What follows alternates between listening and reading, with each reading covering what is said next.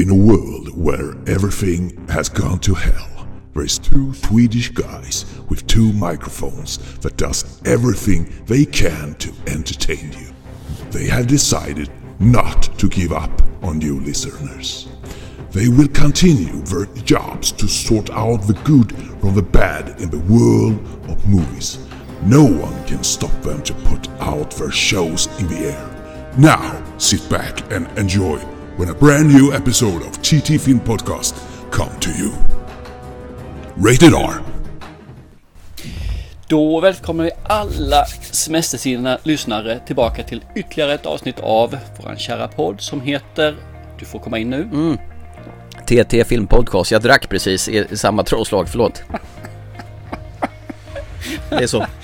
Man kan nästan tro att jag hade sett det men jag ser ju inte att du dricker men det var bra Ja. tajmat. Eh, dagens avsnitt kommer väl egentligen handla om tre segment. Det ena är att vi ska prata om den nyaste filmen med den mest svåruttalade regissörens namn genom tiderna. Vi ska prata om, ja, en långväga film, en eh, vandringspokal kan man väl säga nästan. Åt det hållet. Ja, åtminstone en vandring. Och givetvis kommer vi hantera 1987 och de filmerna som kom där. Som Fullmöte-Äckeln, Lyckat framgång, Rådjuret, Robocop, Farlig förbindelse, Våras för rymden, Omedelbara, Running Man, Dödligt vapen, Headracer, Can't Buy Me Love and Wall Street. Oj. Och givetvis sist och minst min kära vän på andra sidan, Thomas Hellberg. Ja, jag känner mig som en liten blöt fläck här idag så att eh, minst, ja, det kan jag vara.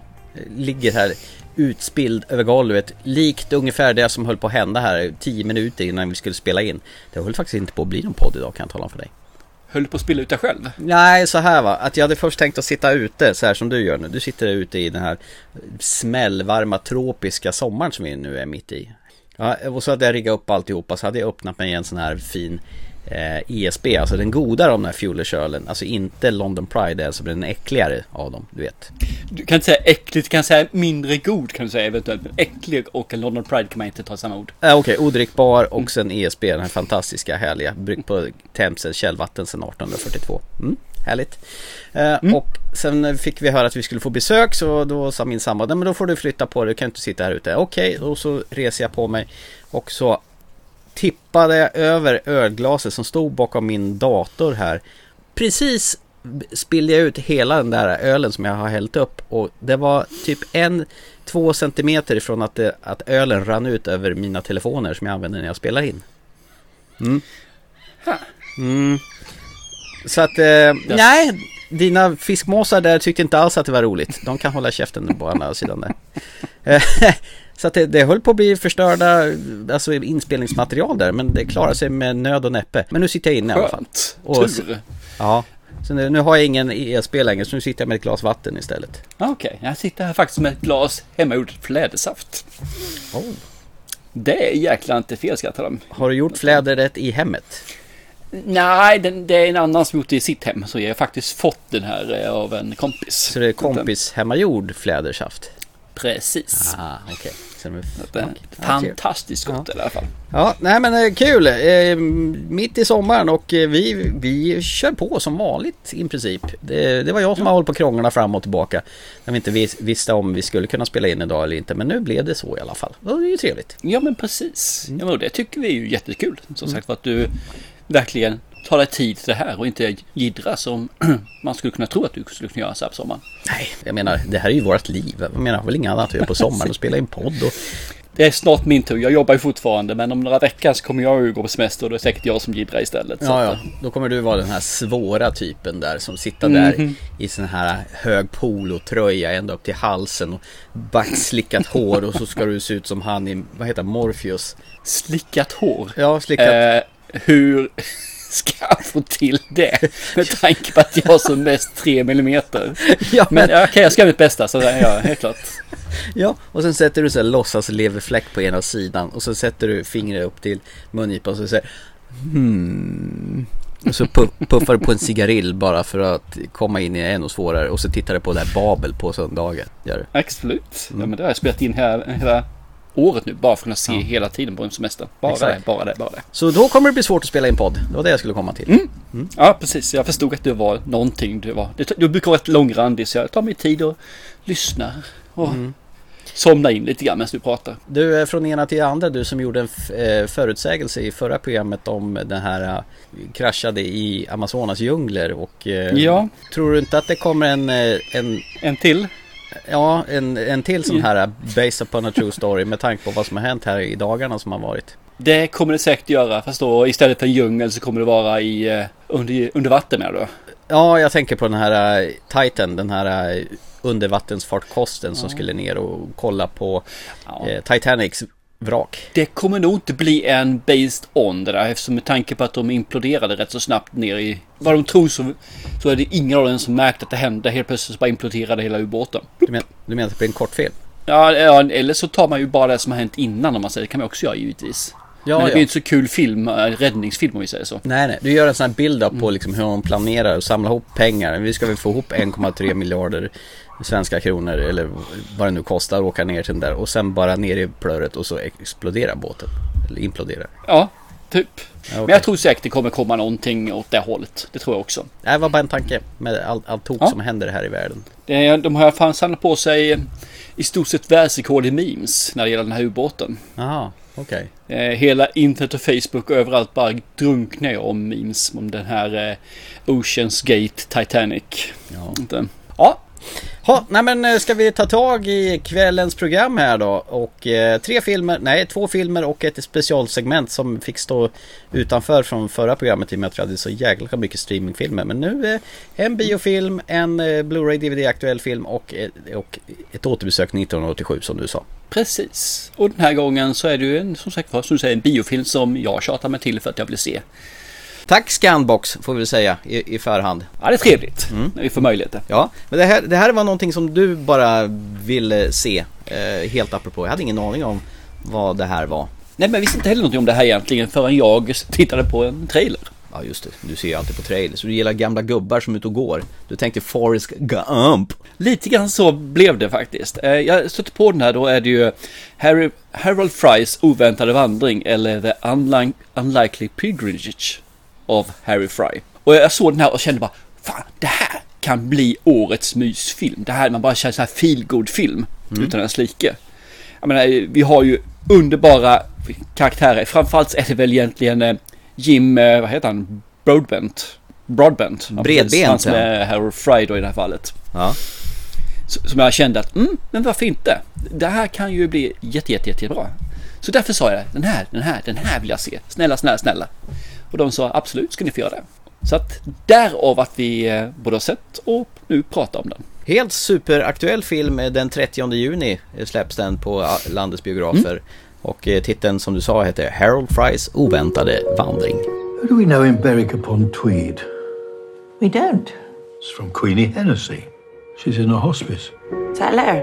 For a friend, she has cancer. My aunt had cancer. But you can't give up.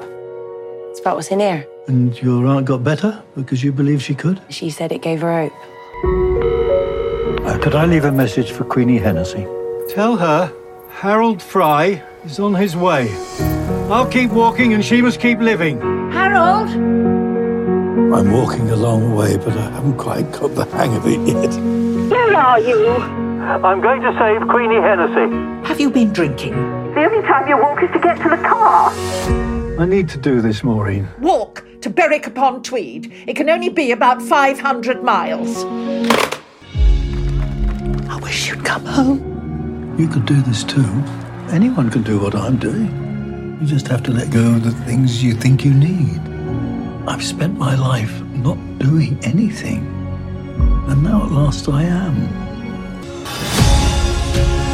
Travel the length of England to save a woman from dying. Maybe it's what the world needs right now. A little less sense and a bit more faith.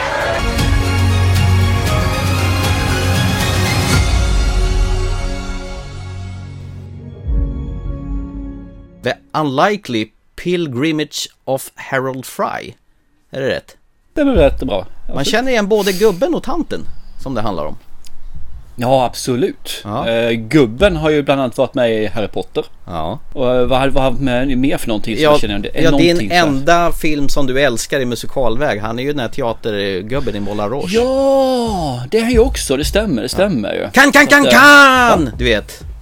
Och sen så den sista jag sett han faktiskt är i Järnlading där han är, eh, vad heter Margaret Thatchers make. Just det. Men är inte han med i din absoluta favoritfilm också?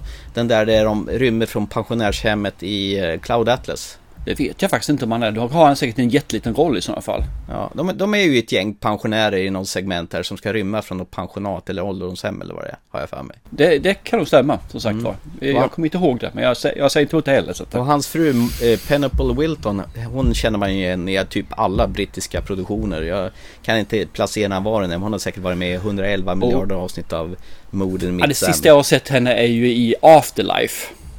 Där hon är en, den här damen som sitter på bänken där, när han träffar sin döda fru. Där hon är, begra- hon är begraven så sitter hon alltid bredvid där. Så sitter de och har ett samtal om ja, livet, döden och allt däremellan. Det här är Ricky Gervais eh, serie. Men det handlar om döden så jag tittar inte på sånt. Ja, fast den här, du ska nästan ha se den alltså. Det är nästan så ska få den som uppdrag bara för att. Jag kanske ska ändra mig. Nej. Nej. Nej. Nej, nej, nej. Lagt, lagt eh, uppdrag ligger, som Magnus Härenstam skulle ha sagt. Ja, ja, det är lite sent nu att ändra sig helt klart. Ja. Det får bli nästa gång då. Ja, det får, får, får du göra. Eh, Kommer aldrig se det där. Filmen. Ska vi ta lite om filmen? Bara Ja, ta vad lite om Harold Frys oväntade vändning. Va- Vandring, vändning. Här vänder det. Vi får egentligen träffa Harold Fry då i det här fallet som hade fått ett brev från en gammal vän. Där hon berättar att hon eh, har cancer och är väl det sista hon gör. Hon ligger väl sista upploppet om vi säger så. Och han försöker författa ett brev. Hur, han egentligen beklagar och hälsar från henne eller hälsar till henne då att han tänker på henne. Och när han stänger han ut och ska posta det här då i, i brevlådan. Och när han väl kommer till brevlådan så står han där och tittar på den och tänker att nej, jag postar väl här på hos vad heter det, stationen istället. Och när han kommer till stationen så tänker han nej, det här blir inte rätt. Och så pratar han med en person som tycker liksom att ja men vad sött, vad intressant. Det är tanken som räknas, att man har tro liksom på någonting. Och det klickar till någonting i hans skalle. Okej, Okej, det handlar om tro. Man kan alltså göra någonting med bara man tror, inte religiös tro, utan bara att man tror på någonting. Och det innebär att han ringer till den här, skickar ett meddelande till henne. Hälsar henne att Harold Fry kommer. Vi har ett avtal. Jag går, du lever. Så det handlar om att han ska gå från södra England upp till norra England. Och under den tiden så han går så ska hon hålla sig levande. Då ska hon inte dö. Utan han ska rädda henne på det viset. Det är ju vad ska säga, ett fantasi foster till tanke om man ser rationellt på det. Men det är det som är tesen på filmen i alla fall. Och han startar och går. Och där längs med vägen träffar han ju allehanda folk. Eh, Ja, verkligen allehanda folk. Det är väl egentligen synopsisen i sin helhet tycker jag. Det är märkligt hur ett besök på en bensinmack genom att handla en liter mjölk och får ett litet tips från en blåhårig ung tjej bakom disken kan så ett sånt här frö egentligen. Och just som hon uttrycker sig, men Harold kan inte gå, du går ju aldrig. Du går, denna gången du går är ju ute i bilen när du ska åka iväg någonstans. Och det, det här har verkligen någonting har slagit an en ton hos honom. Han blir manisk när det gäller de här sakerna och det utvecklas ju sen också vad, vad filmen lider också i hur man ska gå, vad det egentligen innebär att göra den här resan. För han tror ju verkligen att han räddar henne. För han får ju prata med de här som bor på hospicet och att hon, ja men hon är mycket gladare nu än innan liksom och visa upp och prata om det och så här. Så att han får ju också att det eldar på hans bild av att det här kan vara lösningen på att rädda sin vän då. Men han tycker väl samtidigt att han har väl inte gjort någonting i hela sitt liv som betyder någonting och nu får han chansen att göra någonting annorlunda. Och hans fru blir ju fruktansvärt frustrerad. För det här är ju ett helt annat beteende än vad hon är van vid. Ja absolut, både från honom och helt plötsligt så är hon ju kvar hemma själv. Med sina tankar, sin osäkerhet och man kan inte säga demoner men åtminstone de, eh, ja, det som har hänt tidigare i livet. För det visar ju så att de har ju en son också som det finns en, jag ska säga en schism, någonting som har hänt där i alla fall. Så att det kommer kristallisera sig längre fram. En problematik kanske? Av något slag. Ja, precis. Jag förväntade mig ju den här filmen att vi skulle få se en riktig sån här myshistoria, liksom en good, en feel film. Där det var liksom man träffar på folk, man får, de interagerar med varandra, de träffas, pratar och går vidare och det blir den här delen hela tiden. Men det, det här är ju inte det här. Det här är ju faktiskt en, trots det triviala synopsisen som jag drog innan, så är det faktiskt en ganska mörk och tung film.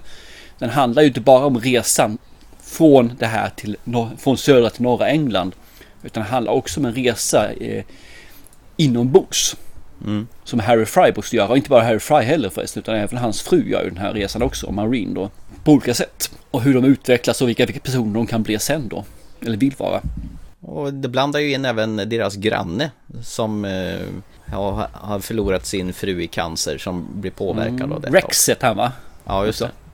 Ja, men det är spännande hur, hur eh, hans fru Maureen reagerar när han pallar sig iväg och han kom, ringer från telefonkiosker hit och dit och hon känner ju sig att hon har blivit kvarlämnad och dumpad och hon tror ju liksom ska, ska han lämna henne nu för de har ju suttit ihop i alla dessa år. Det är som sagt, båda två gör ju sin resa. Den ena vandrar, sätter foten framför den andra och den andra får egentligen konfrontera sig själv i ensamhet egentligen i den här lägenheten eller huset hon bor i. Mm. Eftersom hon är då helt lena förutom grannen då Rexen som kommer över och hon har som bollplank egentligen på Mm. eh, sina bekymmer och sitt sätt att hantera det här. Han borde ju kanske ha tagit på sig ett par mer fotriktiga skor än de här äh, låga sneakersdojorna han har på sig. Ja, definitivt. Så att, eh, vad tycker du om alla de här eh, personerna som han träffar? Han träffar ju på en gentleman som känslig som han är mer åt kanske en banktjänsteman åt det hållet. På honom. Han pratar bara över en fika liksom. Det är ju det, det är lite kufigt. Det är väldigt mycket folk som öppnar upp sig för honom. Trots att han Mm. bara finns där. Det är väl kanske hans storögda uppsyn som Harold har. Han, har han, han ser ju ganska snäll och eh, oskyldig ut så folk tyr sig till honom även om de bara träffar lite flyktigt så här. Eller är folk mest så här i Storbritannien att alla är väldigt vänliga och öppna mot varandra? Jag vet inte. Ja, jag tror ju inte det alltså, det tror jag inte. Utan jag tror att det är nog hans uppsyn som skulle kunna göra det i det här fallet. Han har en positiv eh, inverkan på folk. Vad tycker du? Visst finns det rätt stora likheter i alla fall mellan den här och eh, vår kära Tom Hanks film där, Forrest Gump. Eh, Under den här perioden när han också springer mellan öst, västkust, västkust, östkust. Jo men det gör det. Ja, han får ju lite fanskara efter sig allt eftersom det här sipprar ut. Att han börjar bli populär i, i sitt... Det börjar ju som en enmansgrej och samtidigt längs vägen så han träffar ju på massa folk. Det är ju helt omöjligt för honom att inte passera tvärs över Storbritannien utan att det här skapar lite rubriker. Ja, han, han genomgår ju en väldans massa faser.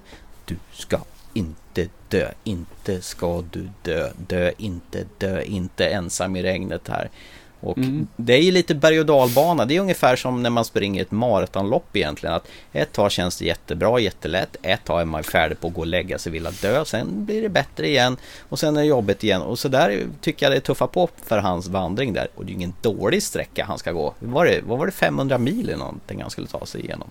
Jag vet inte. Ja, var- eh, inte 500, var det inte 50 mil han Ja, skulle gå? 50 mil kanske. Det var från Devon, Devon till Benwick upon Tweed. Det var en eh, från södra till no norra Storbritannien. Jag vet inte hur långt det är. Ja, jag Eh, tyckte de sa att det var 500 kilometer, så 50 mil. Men det är rätt långt att gå där ska jag tro. Ja, man skulle ta tre, tre veckor beräknar han väl på att det skulle ta. ja men precis.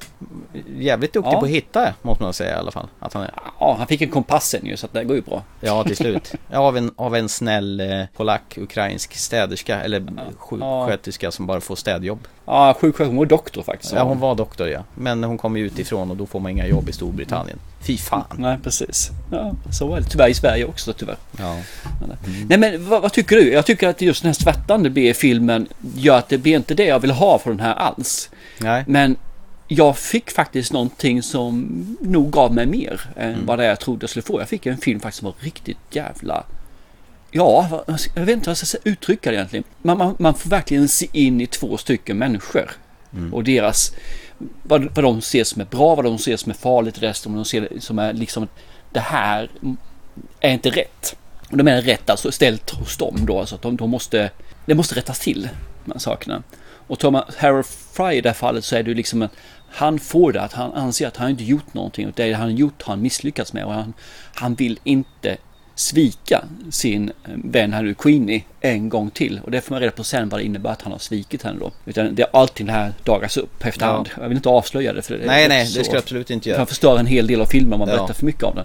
Men, det är just den här resan som jag ser som är, den inre resan och som båda de här människorna tycker jag är den stora delen. Och så är det här nedslagen bland människorna. Han träffar en banktjänsteman, han pratar, han träffar en läkare när han tar en fika. Han träffar en eh, yngre kille som slår och följer med honom ett tag där, Wilf. Och sen så är det ett helt gäng till då som han träffar på. Bara, en del får man inte ens namn på utan som hon den här läkaren, man har någon som håller på, om hon är bonde eller någonting som också han dricker Mm. vatten hos. Det här tycker jag är så jäkla nice liksom. Visa upp att Möten. folk vill ha det här, men man vill ha något att tro på. I det här fallet blir det Harold Fry som man trodde på. Mm. För att han skulle ju då rädda sin vän Queenie då. Ja, han blir ju en symbol för hoppet längs Ja, men vägen. precis. Och sen tycker jag slutet är förbaskat bra också. Det slår Anne Tornos med också. Och jag ska vilja erkänna att den här filmen, det rann tårar bara två, och tre och fyra gånger här alltså. Det här, jag slog verkligen an min känslotråd här. Gick härifrån så snövlade jag näsan så häcklade min kära Salma. Är du ledsen? Är du snute snowig? Oj, oj, oj, oj. Och jag med på det. Ja men ursäkta mig att jag har nära till mina känslor. Vadå? Jag kan säga så här att eh, jag slog på den här framåt 16 året igår. Eh, halvvägs in i filmen, det här var som en jävla käftsmäll. Det rann tårar. Jag satt och hulkade. Jag tyckte det var jättehemskt. Och sen någonstans här, då vrålade min sambo som var ute i trädgården hela dagen och var jättehungrig. Ska du grilla någon gång eller? Jag ska bara Håll se... käften! Ja, men jag är hungrig nu, annars har jag någonting att äta bara. Okej, så jag fick ta en paus mitt i. 53 minuter Ja. in i filmen. Och grilla och sen fick jag se klart den sen. Så att jag fick dela upp den här med någon eh, timmes eh, mellanrum. Men jag var, så fort jag satte på den igen så var jag tillbaka i eh, känslan igen. För det var en sån otroligt varm och härlig känsla samtidigt som det var så mycket svärta. Och i början av filmen, man tänker jaha, nu har det slagit slint i gubben, nu ska han ut och gå. Bara för att han går, för att en eh, lilahårig tjej på en mack har sagt åt honom att menar bara man har hoppet så, så funkar det ju. Men det är ju så mycket mer, det är ju lager, det är ju som löken eller Shrek. I, allting har ju djupgående bottnar i det hela och så även den här filmen. Och du får ju längst medans han går reda på mer och mer varför det betyder så fruktansvärt mycket för honom att göra det här. När filmen var slut, jag eh, hade jättesvårt att eh, komma till sans. För att den här berörde mig väldigt mycket. Den här var jobbig att se. Eh, fast den var fin. Ja, vad kul. Däremot får jag säga att den första 15 minuterna ish någonstans, alltså var den jävligt intetsägande och tråkig. Så hade jag sett den här på tvn utan att veta någonting om den så hade jag säkerligen inte sett klart den. För det hade bara så ah, nej, vi, vi tar vidare till nästa kanal. Nej. Men ge den här liksom, eh, fy fasen, den är värd en minut efter den. Ja, det är det. Jag tycker den är värd varenda minut från början. Jag tycker att den är välspelad. Bara att se de här scenarierna, hans färd med vyerna, miljöerna är ju helt underbara. Eh, Snyggt foto, välkomponerad musik. Jag tänkte så här även på i början när han gick där med sina bestämda steg.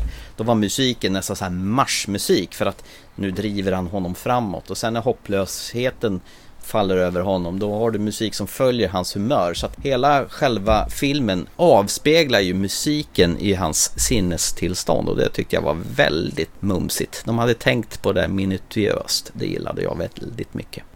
Eh, Bara som en kuriosa, han som spelar Harold Fry här då, eh, Jim Broadbent. Han eh, var faktiskt rösten som spelade in talboken också, för den bygger på en bok där då. Ja, från 2012, eh, någon Rachel Joyce debutroman. Så det är rätt kul att han, att han verkligen körde boken också som talbok och filmen. Det tycker jag är rätt småkul. Ja, nej, men det var väl kanske ett naturligt val för att eh, man är bekant med rösten då kanske. Men han är ju en bra skådis, det är han ju. Så det, det, han, han är väldigt bra. Det får man säga om alla brittiska som är med. De, de flesta är väldigt habila tycker jag. Ja.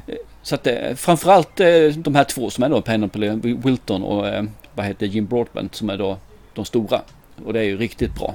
Nej, I like it. I like it a lot. Det här är en hundra film alltså, helt klart. Det är ändå spännande att det tog 11 år innan den här filmen kom från bok till filmmediet. Jag menar det här borde vara en väldigt tacksam historia att göra film på så fort liksom boken har kommit ut. Ja, fast jag tror att det eh, handlar nog mycket om det här med att eh, det ska vara rätt som kommer dit där. Och sen så tar ett tag och skramla pengar. Och den här storyn är nog en liten sån här... Mm, ska ju verkligen göra en film om en man som går. Har vi inte gjort det förut, Forrest Gump liksom? Räcker inte det? Nej. Det känns plagiataktigt, även om det inte är exakt samma. Så jag tror det är det som har varit problemet att skaffa fram pengarna med den. Och jag tror fortfarande att det här är ju en lågbudgetfilm och eh, det är, det, det är hennes första fullängdare, hon som har regisserat den här, Hetty McDonald. Har hon inte gjort någon fullängdsfilm innan det? vet jag. Hon har varit gjort en hel del eh, miniserie och tv-serier och sådana saker, men inte någon film. Nej, hon har väl också varit med inblandad i Doctor Who vad jag har förstått. Ja, och normala människor har hon också varit med. Så att hon har gjort sånt. Så, så med det tänkt så är det nästan en indiefilm där tänkte jag säga. Det är hennes debut där och den låga budgeten som eh, den här filmen ändå verkar ha. Eh, alltså, med låg, låg budget menar jag inte att den är dålig produktion. Den är en fruktansvärt bra produktion. Så eh, Jag rekommenderar den här till alla som vill ha en lite mörkare film där man verkligen får inblick i två människors själar. Och som är lugnt, trivsamt och man ja, lämnar det inte berörd. I alla fall inte mig. Nej, eh, man får må lite dåligt också, eller må dåligt för deras vägnar, de i filmen. Ja. Det låter så dumt när vi säger må dåligt. Jag, jag kan inte säga så att jag mår dåligt själv, men man, man, man får den här lite klumpen i magen-känslan som man har efteråt. Som för mig kan vara må dåligt, ja, men det är också en skön känsla att faktiskt känna så ibland.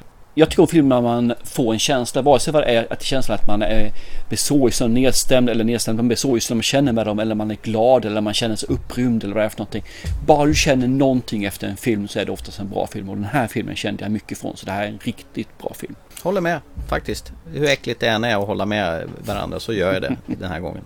Perfekt! Gå och se Harold Frys oväntade vandring på bio den 30 juni. Ta med näsdukar, det kommer behövas. Jag bara säger det. Det kommer bli väldigt eh, dammigt i biografen.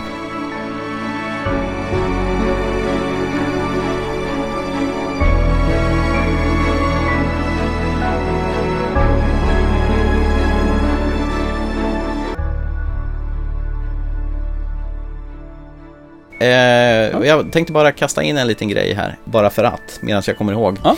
Jag såg precis att eh, den 7 augusti, eh, nej förlåt, den 11 augusti, eh, så kommer det en ny film med Gal Gadot. På Netflix som heter Heart of Stone.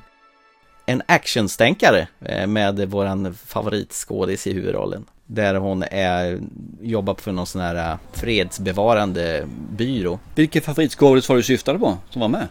Gal Gadot. Jaha, var det inte henne du trashade så in i helvete när vi såg Shazam sist här? Ja, det- att hon var, var- ju värdelös liksom- som nej, men- eh, skådespelare och bara bräkte Nej, nej, nej, nej, det kan inte ha varit jag. Jag har väl aldrig talat till om Gal Gadot här heller. Denna israeliska underbara kvinna.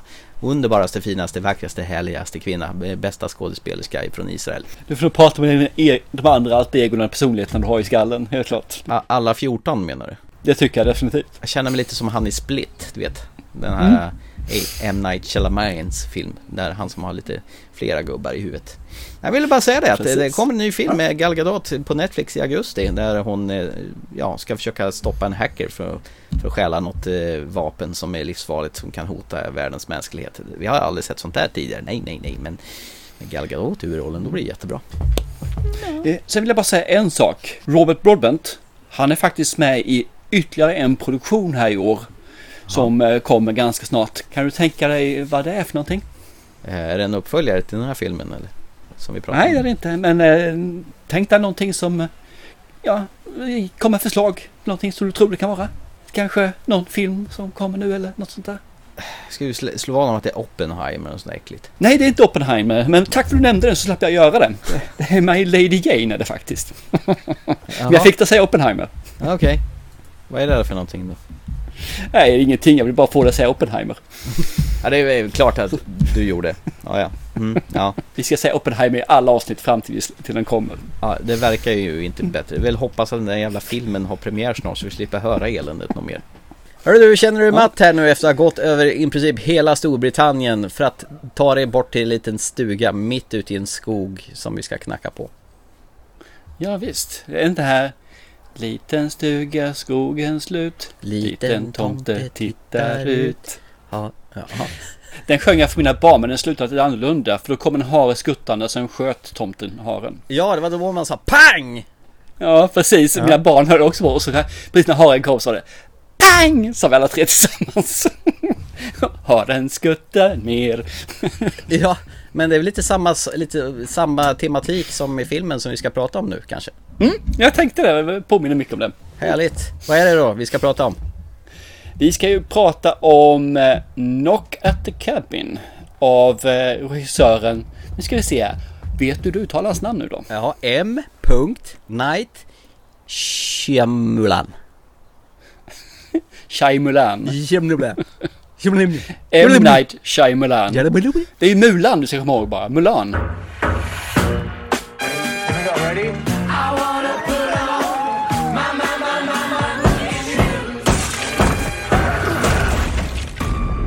Your family has been chosen to prevent the apocalypse. You must choose to willingly sacrifice one of the three of you, or the world will end. Not choosing anyone. For every no you give us, hundreds of thousands of people are going to die. We're all on the same side. I'm on my family's side. If you don't, my son is gonna die. When I nod, make a run for it to the car. Make a choice. I was chosen to put a bullet in your head. This is really happening. Why? We're running out of time. All of us. Rated R. Du såg ju att, var en, att han var med i en cameo förresten i filmen. Oj, tänkte inte jag på. De satt och tittade på TV och så hade de en sån här bakprogram eller kockprogram och laga mat. Då var han en av kockarna i sitt fluffiga indiska hår. Ja, Okej, ja, det ser man. Nej, det missade jag som sagt var. Jag hade full fokus på annat i filmen kände jag. Okej. Ja. Nej men en ny film från eh, Twistarnas mästare M. Night och eh, ja, Horror Mystery Thriller. Varför bor det två stycken herrar ute i skogen med sin eh, adoptivdotter? Eh, I den här filmen så får vi då möta två stycken killar som eh, då har en dotter. Och som ni gissar så är de två homosexuella som har adopterat den här dottern då. Jag får reda på mer varför och hur det går till senare. Dottern är här i alla fall iväg och eh, fångar gräshoppor av någon, av någon anledning. Jag vet inte varför. Och där träffar hon då eh, på Dave Bautista. Eller vad heter han då för någonting? Leonard. Lennart var det. Lennart, precis. Tack. Eh, Som kommer där. Stor biffig som han är. Tatuerad som han brukar vara. Och eh, säger liksom hej, vi ska vara vänner. Och sen så säger han till dem, du måste berätta för dina föräldrar att öppna upp dörren när vi kommer. Och alla som har sett trailern har sett den när de kommer banka på så står de där med egengjorda yxor. De har en eh, pinne där, en slägghuvud hänger i en kätting och så vidare och så vidare och så vidare. Och vem fasen är det som öppnar upp då? Så givetvis måste de bryta sig in i det här. Och berätta väl för de här att ni måste göra det, det tuffaste av alla val. Ni måste välja en av er tre som ska dö. Det måste ske frivilligt och ni får inte ta ert eget liv utan ni andra måste ta den andras liv. Som ni har valt själva. Om ni inte gör detta så kommer Armageddon, Armageddon att eh, ja, allting, allt, allting kommer dö. Och ni kommer att leva vidare. Men ni kommer se allting dö under den här tiden det här händer. Det är väl premissen. Kort, koncist. Ja, jävligt mörkt är det också. Och sen blir man ju alldeles förvånad att se Ron från Harry Potter vara med här som en skäggig slusk. Ja, precis. Det var rätt så kul för han spelar alltid så här till nedgångna figurer. Han ser alltid sleten ut. Lite så här nerknarkad, eh, allt, alkoholist och drogberoende. Inte? Vänta du, har han gjort något mer än, än Ron i Harry Potter?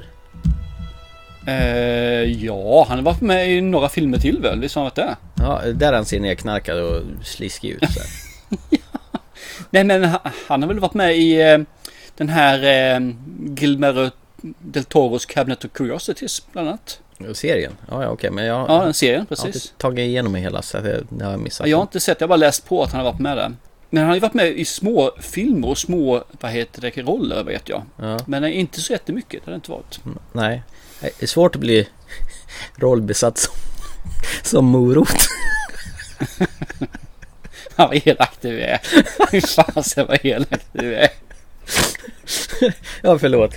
Men han är ju han är inte så sympatisk här. Han är väl den som är minst snäll av det här gänget som bryter sig in. Kan jag tycka. Är det säkert du verkligen spillde ut den här ESPn eller spelade du ut den i halsen? Nej, jag, jag hann dricka tre klunkar här. Men det, det, är väl så här min frustration att jag inte fick dricka den. Så jag är väl lite cynisk sur här efteråt.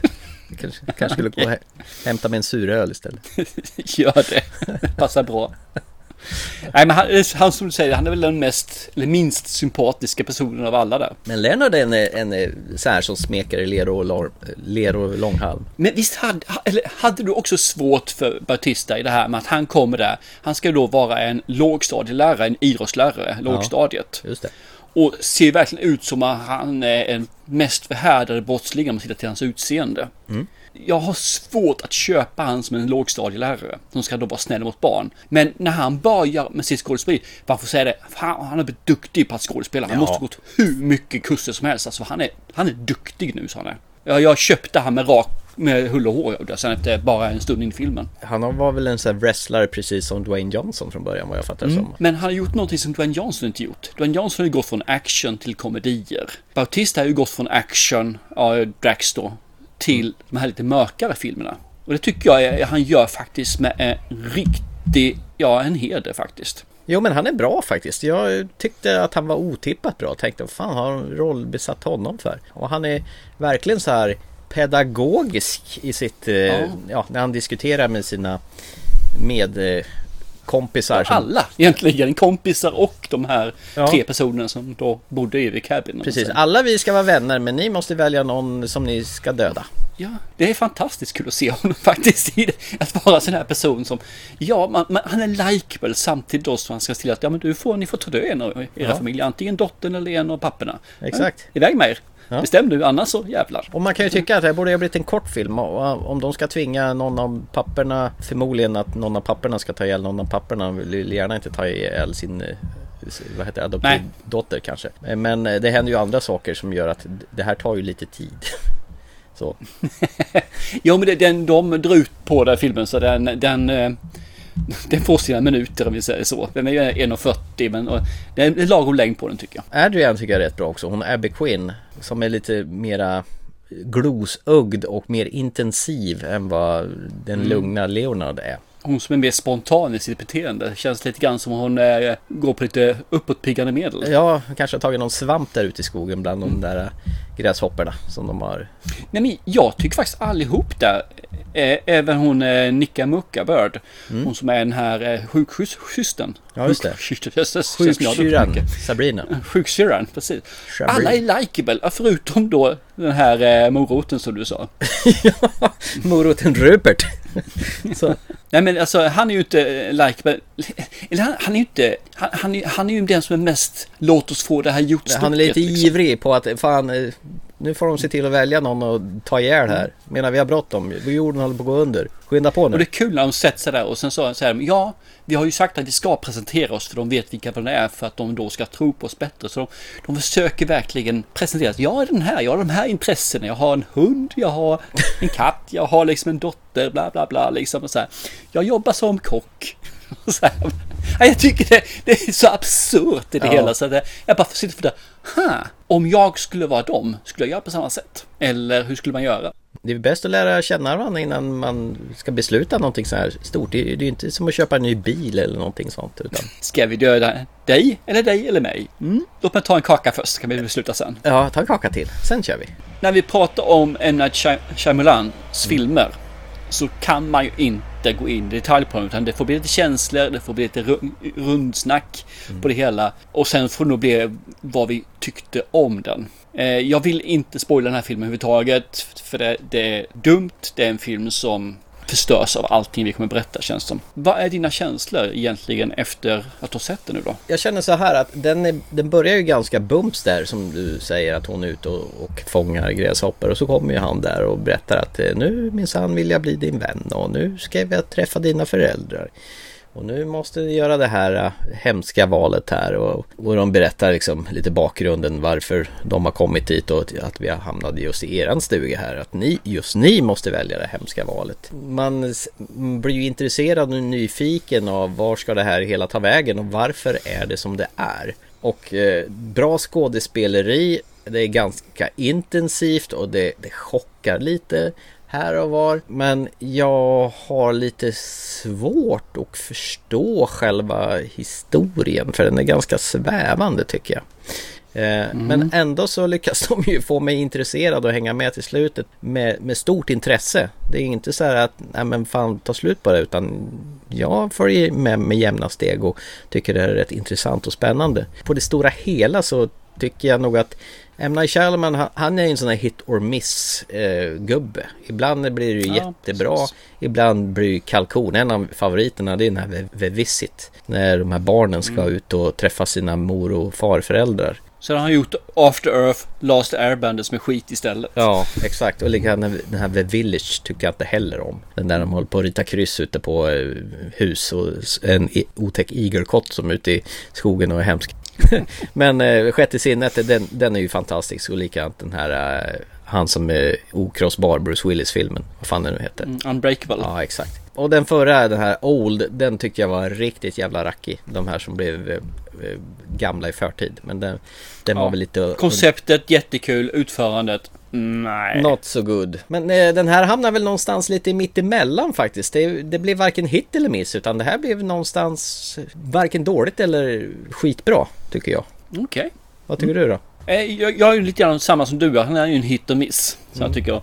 Och han är ju känd som du säger för twisternas mästare. Alla hans filmer ska ju ha någon typ av twist i slutet. Där. Nu har inte jag sett Glas faktiskt jag erkänna. Så det, sen vet jag inte om den hade någon twist också. Men de jag har sett i alla fall har ju haft att det ska vara vändas upp och ner i slutet. Som det ska bli det här. Mm. Och ibland gör han det lite för mycket känner jag. Det behövs inte ibland. Eh, den här filmen, den börjar ju som, som jag sagt tidigare abrupt. Det är liksom, man kastas rakt in i handlingen. De knackar på dörren och bryter sig in mer eller mindre de första 5-10 minuterna. Men man får ingen introduktion av karaktärerna whatsoever. Utan det får man längs med filmen istället. Så mitt i filmen någonstans där så börjar man ha fått ett grepp om vem som är vem och varför de är som de är. Och det är ett ganska coolt trick tycker jag faktiskt för att få igång filmen. Så jag kan tänka mig den här som, de här som är vad det Gen Z, de här som kan ha attention span 15 minuter. Ja. Kommer tycka att den här filmen är jättebra för det händer ju någonting med en gång. Och jag tycker med det är bra faktiskt. Jag tycker det är fantastiskt för på det här viset så får han en film att bli 1,40 istället för 2,05. Klockrent tycker jag. Jag tycker han har verkligen skött sig där. Han har hållit ner tiden på den. Jag får sympati för alla de här skådespelarna, alla karaktärerna i filmen alltså. Vare sig det är de här papporna och dottern eller de här som bryter sig in, gör home intrusion då liksom. Jag får sympati för alla för man, de vill verkligen nå fram. Alla vill nå fram, alla vill liksom få en lösning på det här. Det är bara att de har olika lösningar på det. Och jag tyckte det här var jävligt nice. Jag, det gick hem hos mig på alla fronter måste jag säga. Dialogen är förbaskat fin. Alltså den välskriven dialogen. Fruktansvärt bra dialog. Jag tycker alla skådespelare är skitbra. Det är one location. Suveränt. Menar det. Och de får till även de här fina naturscenerna. De är ute och vandrar liksom längs med stigen vid sjön till det. Och jag får liksom även den här, jag kan förstå varför de här papporna älskar varandra och sin dotter så mycket som de gör. Jag, jag får med det också. Och det är på en film som är 1,40 lång. Hur fasen lyckas han med detta? När de andra behöver 2,40. Tre timmar på sig att eh, berätta samma historia. Han är ett geni jämfört med dem. Eller så levde han på en tid som var lite bättre på 80-90-talet när det här gick hem. Nej men som sagt var, jag tycker han får ihop storyn på ett jävla snyggt sätt också. Man hålls på halster hela vägen fram tycker jag. Om det här är sant eller inte sant. Båda två lagen har kommit med bra argument och verkligen sincerely tro på det de säger, känner och tycker. Nej, jag, jag, den här gick hem hos mig. Jag tyckte det här var skitbra. Alltså det här är nog en av hans bättre, jag ser sen jag såg den som skulle kunna vara. Visit är ju en riktigt fin film också. Den ligger jag säger att det är den bästa filmen på nästan 10 år han gjort då.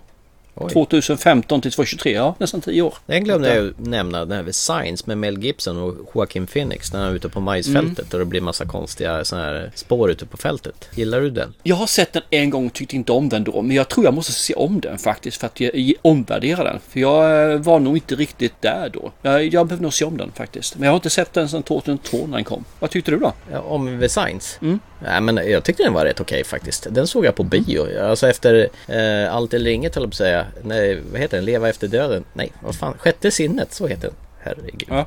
eh, så vill jag ju se allting som M. Night Shyam... Shyam, Shyam ja, hade gjort. Shyamalan. Ja, ja. Kom igen, så svårt är det inte. Jo, det är det. Jag, jag kan inte säga Okej. bikbarkonat heller, så det är bra med den saken. Vad sa du för någonting? Bikbarkonat, sånt där som du gör Nej, igen. precis. Det, helt rätt, det kunde du inte. Du är helt rätt. man vill ju se en ny film varje gång han kommer eh, med en ny. Så. Men han är ju fruktansvärt... Bikarbonat! Ja, vad fan heter det då? Bikarbonat! Vad fan ska du ha två ja, det var kon precis det för? jag sa. Fan, lyssnar du inte på mig? För? Sorry! Eh, Ja, Okej, vi kör vidare. Ja, jag vet inte. Jag hade väl... Jag satt och, satt och väntade på någon sån här riktigt omvälvande på slutet här. Jag fick inte riktigt vad jag trodde jag skulle få faktiskt. Det var väl kanske Mm. det. Eh, Men jag håller med det du säger. Att välskriven dialog som fan och och de är duktiga på att etablera de här karaktärerna på kort stund som man verkligen, alltså varje person i den här filmen betyder någonting. Det är ingen sån här som bara slängs åt vargarna och bara jaha, vem var det där nu då? Utan de är duktiga faktiskt på att eh, kanalisera och göra en bra bakgrundshistoria till eh, varje person. Och de hjälper ju till lite grann med lite sådana här tillbakablickar som du får lite mer kött på benen under filmens gång. Medan Mm. de sitter där i det beklämmande, tråkiga valet det ska göras. Ja, Jag får nog ändra mig lite grann. Det här är nog fasen ta med topp 3-4 vad han har gjort. Jag är osäker på om jag kan sätta Unbreakable före den här eller inte. Men eh, det här är riktigt bra faktiskt. Jag, tänker. jag tittade igenom hans filmer han gjort för någonting och radade upp dem. Det här är nog topp 3. Tror jag faktiskt. Topp 3, topp 4. Okej, ja, men jag kan väl jacka upp den lite också bara för sakens skull. Så. För jag märker ju nu när, jag, när, jag sitter och, när vi sitter och pratar om den här. Just Ja. som du säger att dialogen är välskriven och man känner ju faktiskt med karaktärerna och när du presenterar på så här viset att på 1.40 lyckas göra en sån väldigt dramatisk och eh, spännande historia utan att den känns forcerad att man får med alltihopa som man vill ha berättat på den här tiden så ja, okej då, den är lite högre än i mittemellan. Men det, visst är det kul när vi sitter så här och pratar. För vi, man har en bild vad man tycker om den. Ja. Sen så börjar man prata om och bolla och man hör liksom. Ja men det håller jag med om. Ja men det håller jag med om. Och klart att så är det ju. Ja. Jo, jo, jo, givetvis. Och så hör man sig själv. Men vänta, den här är ju bättre än vad jag tyckte och trodde jag skulle säga. Och det är helt okej. Man får ändra sig. Man får ändra sig från din åsikt till att ha rätt. Min åsikt. Det är helt okej. Jävligt schizofren recension bara. Från att börja med att säga att den är medioker till ja men fan den var inte så jävla dum i alla fall. Precis. Det här fan är det bästa jag har sett på länge. Ja. Ja det var det fan det bästa jag sett sen jag konfirmerades. Men sen, det är bäst vi slutar här snart för annars kanske jag vänder och säger att det här var jävla soprulle. Jävla bipolär. Så här, nej skitbra! Nej jättedålig. Skitbra! Nej fan. Jävla Rupert Morot-grint. Nej men till och med hon lilla Kristen Kui som spelar Wen, alltså hon eh, den asia- asiatiska dottern där till de här båda männen är ju också jättebra tr- trots hennes ringa Ja ålder. men visst är hon det. Ja, Och hon är likable och trovärdig. Och, och som sagt, Nej. Dave Bautista han överraskar faktiskt. Ja, jag är skitöverraskad att han är så jäkla bra på att eh, få mig att tro på karaktären. Men vad har han för jävla jack i huvudet? Har du sett det? Jag vet inte. Jag vet inte alls faktiskt. Det, det ser ut som en jävla en sån här stickad filt uppe på huvudet som sitter fast i skinnet eller något sånt där. Det, det som är roligt när man tittar på M. Shyamalan. Han Mm. har ju tre stycken kommande. Oj, har han mera på gång? Ja, han brukar inte ha det. Visserligen en står det bara att ja, den är väl in development om man säger så. Men en är då eh, Untiled. Så den håller jobba med den, det kan vara hemma, den är pre-production. Så den ligger ju där 2024 så nästa år ska den komma. Untitled. Ja, precis. Untitled. Ja, och så typ. har vi en som heter Trap. Som jag inte vet någonting överhuvudtaget på om egentligen. Och sen så har vi Labor of Love.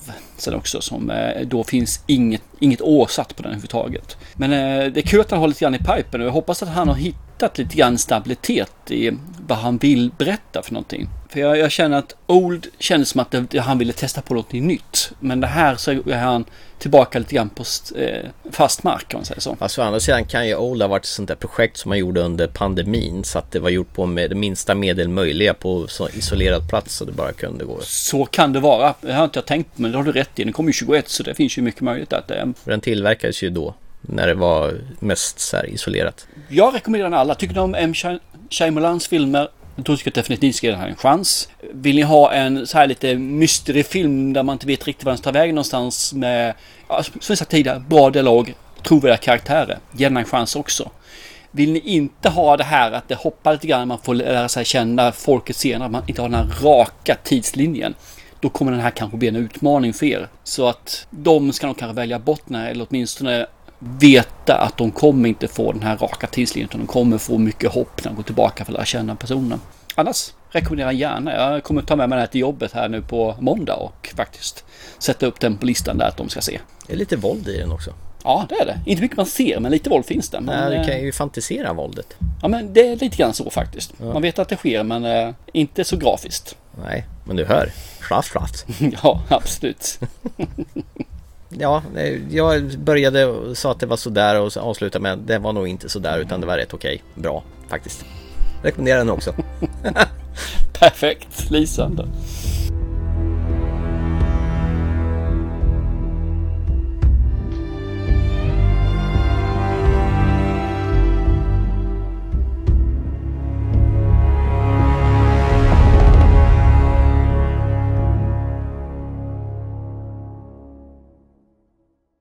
Fan, då är vi redan framme vid vårt sista segment va?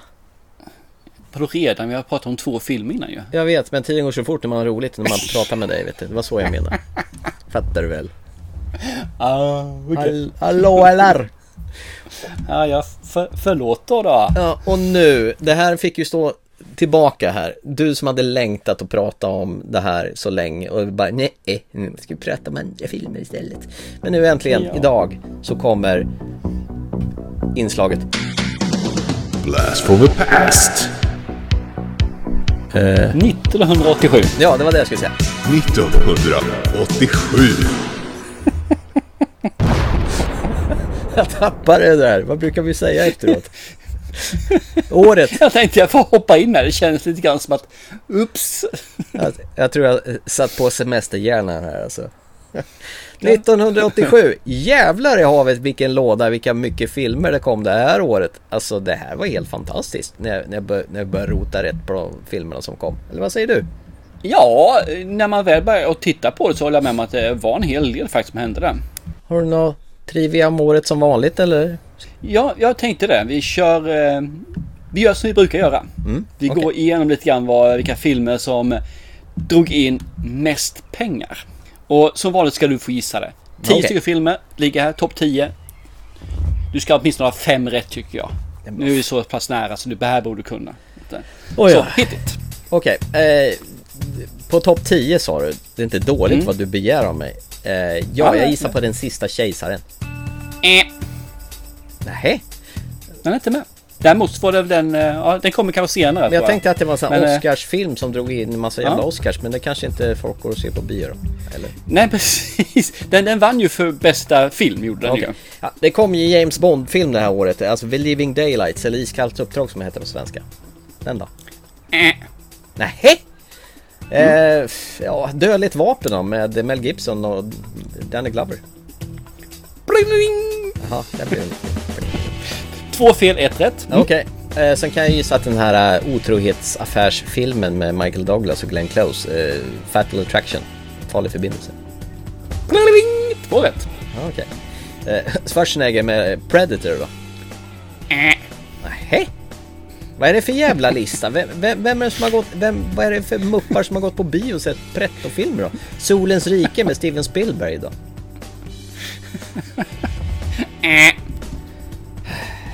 Eh. Nu har du fyra fel. Nu får Okej. du bara ha ett fel till då. Eh, Robocop.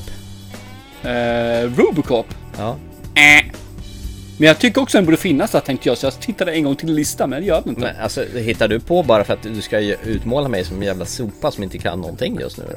Nej, det klarar du så bra själv så jag behöver inte göra det. O- Okej, men väl Lost Boys då? Min favoritfilm. Jag är ledsen. Nej. Eh. Ah, nej. Nej, men eh, Good Morning Vietnam! Där har du en. Perfekt. Yes. Ja. Bling bling menar jag. Kul. Eh, Jag ger upp, jag var fan sämst på det här. Dirty Dancing.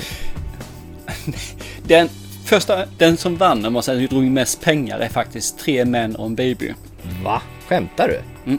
Nej, den drog hem mest. Fan, det var ju de tre kändaste namnen som fanns där på den tiden. Eh, Tom Selleck, Steve Guttenberg och Ted Danson. Mm. Fatal Attraction som sa kom tvåa. Ja.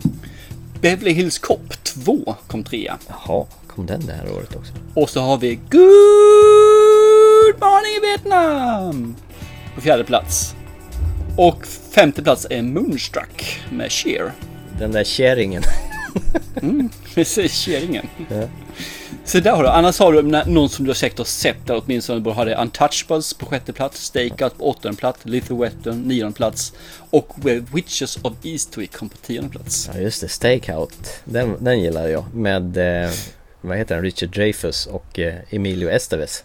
Som Precis, det var jättekul. Ja, de, De hade en på- hund som de lärde pissa på, eh, Ja, på order man säger. När de eh, ska liksom glo på hon den här Maria Montas- Montasales eller vad hon hette. Och han går in på insidan och inleder en affär med henne. Vi måste fortsätta här som sagt var. Ja, förlåt. Best Picture, eller bästa, bästa film, den vet vi, det var ju Last Emperor, det sa vi ju tidigare. Ja. Men du borde kunna åtminstone någon av the best actors, kvinnliga och eller manliga. Rick Moranis i Spaceballs. Nej, men om vi kan hjälpa dig då. Du nämnde ju en här i Stakeout. ja, Richard Dreyfuss eller vadå? Nej, den andra. Emilio Estevez? Estevez. Ja, fast ta pappan istället. Jaha, alltså ja ja, alltså eh, Martin Sheen. Nej, fan nu tänkte jag fel, för jag är sjömask förresten. jag tänkte helt fel, så jag gjorde fel pappa, fel. Nej, jag, jag, nu, nu gjorde jag fel mot dig här. Eh, Michael Douglas i Wall Street. Jag ber om ursäkt att jag trodde åt fel håll där Han pappa till, eh, till Emilio Estevez, är det det jag försöker säga? Ja, ja, precis. Nej då. Och så Sherry Moonstruck fick, fick, också en Oscar här. Ja, ja, jag ber om ursäkt som sagt va. Ibland, ibland blir det inte helt rätt. Du, du känner väl igen det? Ja, ja men absolut. Det, det är tur att vi är så spontana att vi kan bjuda på oss själva när vi gör bort oss i, i, i, tv, eller på att säga. Radio, heter det. Podcast. Jag, jag skulle bara vilja fortsätta lite grann här och ta fram vilka som hade sin filmdebut det året också. Mm, mm. Då ska, ska vi se om, om jag säger namnet så får vi se om, om du kan ta namnet på filmen som de gjorde debut med. Ingen tävling, bara, bara så här alltså. Okej, alltså ingen press alltså? Ingen sån här Ingen press. Nej, ingen press. För det, det, det är nog rätt svårt att ta en film som var deras första film. Jag mig. Ja. Men vi börjar med eh, Patricia Arquette. Uh, uh, Jaha, Patricia Arquette. Jag har ingen aning vad hon gjorde. A Nightmare on Elm Street 3. Jaha, var det första gången hon var med i den ja? Just det. Yes. Om vi går in på Alec Baldwin då, som gjorde också sin debut här. Jaha. Nej, ingen aning. Han gjorde Forever Lulu. Har inte sett den, men eh, det var den i alla fall. Ja. Christian Bale. Eh, ja, Solens rike. Astrid. Lindgren. Astrid Lindgren. Mio med Mio. Yes. Men han gjorde, ju, han gjorde ju Solens rike också, Steven Spielbergs. Ja, här var antagligen tidigare då. Jaha. Var det därför han fick... Var kanske re- release? Jag vet inte. Jag har Okej. Okej, för då gjorde han fan två filmer det året. Gjorde han. Coolt. Ja, okej. Ja. Sandra Bullock då? Ja, det måste ju vara Speed. Nej. Hangman för fan. Ja, hänga gubbe? Och Speed var väl, Speed var inte 87? Nej, den är fan mycket senare. Den eh, när eh, John Wick ska stoppa en buss från att explodera. Ja, eh, kom senare som sagt va. Ja. George Clooney. Clooney? Clooney? Nej, första filmen jag har sett med honom det är Mörda tomaterna. Han faller igen. Ja, vad så här? Return to Horror High faktiskt, heter den här. Och om du säger Courtney Cox då? Eh, vänner, Friends. No one Ja, lite senare också. Men Nej vänta, vänta, vänta, Twisted. vänta, vänta, vänta, Ah, vänta. Hon, var- den här, eh, vad heter den, galopperande detektiven, Ace Ventura var hon med i vet jag. Ja, fast det är också senare. Jaha, okej, fan då. Den ligger på 90-talet den också. Nu är vi 87 fortfarande Thomas. Aj då, fan. Down på. Twisted heter den i alla fall. Inte sett. Inte, inte jag heller så jag vet inte. Men vi kan ju ta en regissör som du ska kunna då egentligen. Jaha.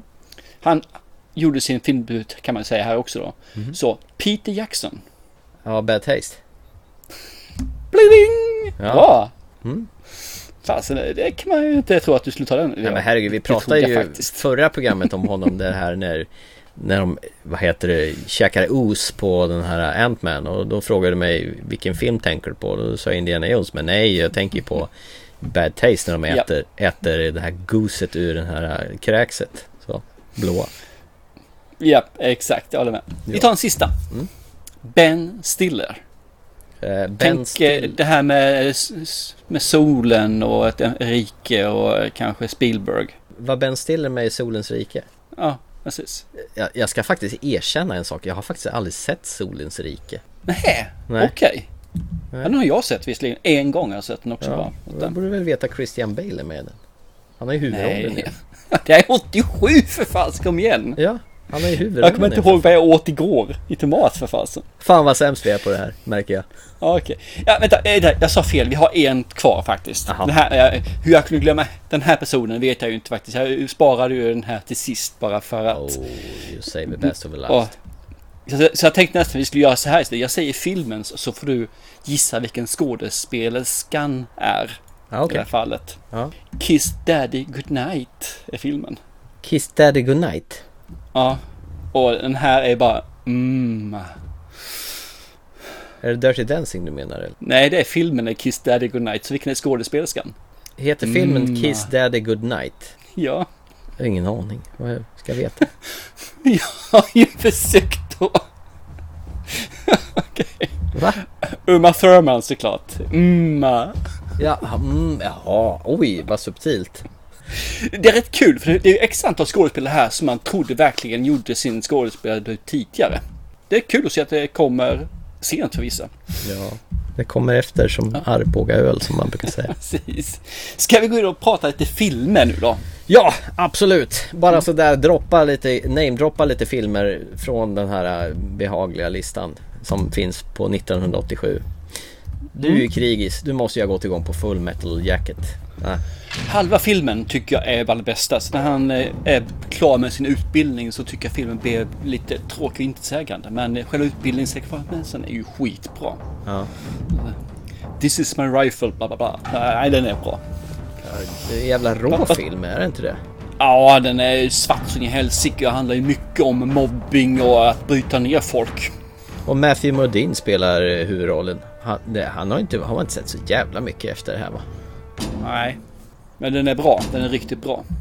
Jag trodde faktiskt du skulle ta och nämna först vad den här Bleka Dödens Minut som du gav till mig i uppdrag. Ja, ja. Eller Princess Bride som den heter på original. Den som du tycker eh, påminner lite om Monty Python va? Ja, det är en Monty Python-eska den. Mm. Det är klart. Jo men den är trevlig. Den gillar jag faktiskt. Mm. Eh, härlig, gosig film faktiskt. Från ja.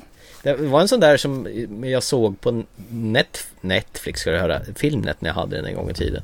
Då, sval, då såg man ju allt som bara kom där i princip. Man var ju, ja, precis. det var ju inte så mycket. Så nej, jag menar, vad fan, en film som heter Bleka, Bleka dödens minut. Hur sexigt låter inte det då? Något? Mm. Jag menar, den hade man ju lätt kunnat passera. Men eh, den är trevlig, den här äventyr och dames in distress som ska räddas och jättar och grejer och, och en god portion humor. Det är det som gör så att den filmen ja, flyger. Mycket humor. Vad heter han? Bla bla Montoya. You kill my father, prepare to die. Ja, det tror jag de säger mest gånger i hela filmen. Någon film som jag såg på bio 1987 Det var ju faktiskt med Patrick Dempsey Han som eh, klippte eh, gräsmattor åt eh, sina grannar för att spara ihop till en sån här stjärnkikare. Can't buy me love. Cindy Mancini and Ronald Miller live on the same street, but they're in totally different worlds. Wouldn't you like to be popular? Cindy's hot, Ronald's not, but he's got a plan that could change all that. I want to rent you. Rent me? Yeah. You pretend you like me, and we go out for just a few weeks. Just going out with me is not going to make you popular. Well, I have a thousand dollars. It says it will. It's such a, such a heartbreaker. Och sen var ju betuttad i den här skolans populäraste tjej. Och så sabbar ju hon, hon lånar någon sån här klänning från sin morsa och spiller massa rödvin på den. Ja, och han eh, köper ny till henne ja. för gräsklipparpengarna, just det, stjärnkikarpengarna. Så han är gräsklipparmannen egentligen? Ja, föregångaren ja, precis. Och så ska de dejta en månad och den här klassiska afrikanska myrsloktsdansen och han blir hipp som fan där och glömmer bort vem man egentligen är bara för att han blir poppis.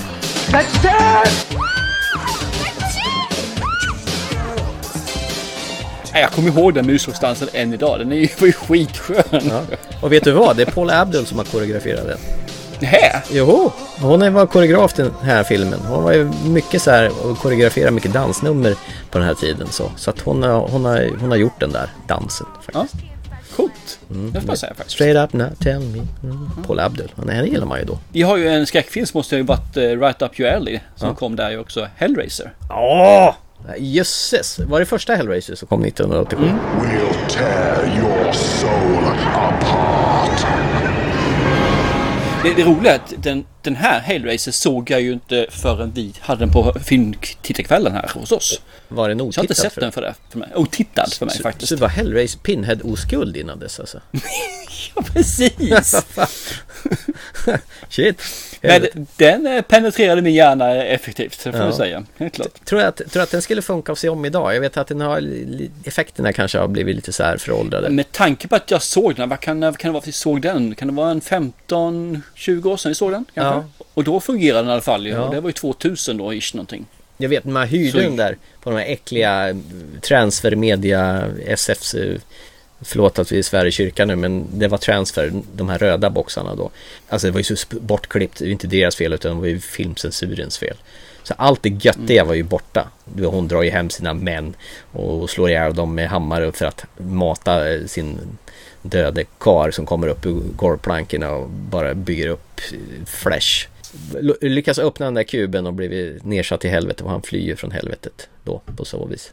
Ja men den, den är fin, fan jag skulle vilja se om den faktiskt. Och även den här nya Hellraiser som kom här om Jag har inte hittat någonstans för den vill jag verkligen se om. Ja, och det är så stört för att den, den är en Hulu-film. Eh, Den här andra Prey som kom, eh, alltså den här prequel-filmen från Predator. Det är också en Hulu-film. Den kom ju på Disney+.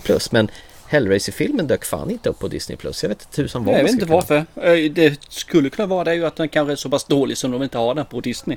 Jag Jag, vill se den i alla fall känner jag. För jag Ja. tycker den första Hellraiser 87 är ju superbra. Den är ju... Ja. Ah, den är nice. Ja. Good, good, good, good film. En annan eh, sån här härlig eh, skräckfilm som, som Joel Schumacher gjorde, det var ju faktiskt The Lost Boys. Den kommer jag alltid tillbaka till. Michael and Sam are about to discover a secret in California. Santa Carla's crawling with vampires. Stay back! Stay back! I'm your brother, Sammy! Help me! What's happening then, Star? My own brother, a blood-sucking vampire. Better give yourself a Carly t-shirt, buddy. Will you wait till mom finds out? Has anyone gone crazy here? The Lost Boys. Rated R. Sneak preview Friday, July 7th. Ja men herregud. går den verkligen som skräckfilm idag? Nej, alltså den är ju mys, pys, vampyr så här. Han blandar ju populärkulturen med, alltså med den typen av låtar som var, du har ju till och med The Doors som inte tillhör den tiden av låtar. Jag tänkte säga, är inte det den tidens vampyrer? Är inte det dagens, de här som glittrar vampyrer typ? Nej, nej, nej, utan det här har du riktiga vampyrtänder och de hugger Ja men alltså, det- om du går tillbaka hur vampyrerna var förut så är de här vampyrerna inte så creepy äckliga. De är ju som vanliga människor.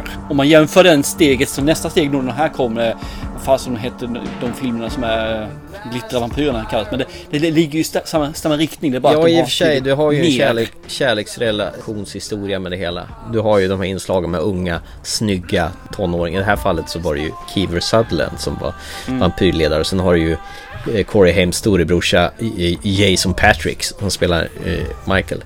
Är en väl fullproppad eh, cast. Diane Waste spelar ju deras morsa och sen har du ju Corey Feldman som är en av de här Frog Brothers. Och musik, filmen är skitpumpad med härlig musik och den har ju sån jäkla skön 80-tals-vibe den här filmen.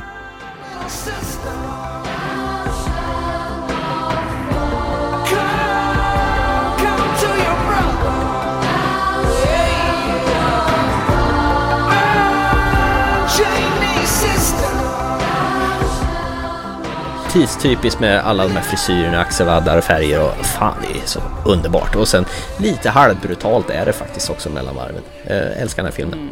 Mums filbabba. Ja, jag har varit aldrig eh, någon kär i den, ska jag vilja Nej. erkänna. Du blev kär i Dirty Dancing istället som blev en riktig kioskvältarhit det här året. Nej, faktiskt inte. Jag, jag visste inte faktiskt inte ens om att den här kom. Den har jag missat i min research faktiskt. Ja, nej, den kom 1987 och den var ju en sån där film som ett Westron. Det var ingen som ville distribuera den här filmen överhuvudtaget. Det finns en jättefin dokumentär, eh, The Movie That Made Us, som de visar sig filmer som hade haft en jävligt krånglig tillkommande eh, på den här.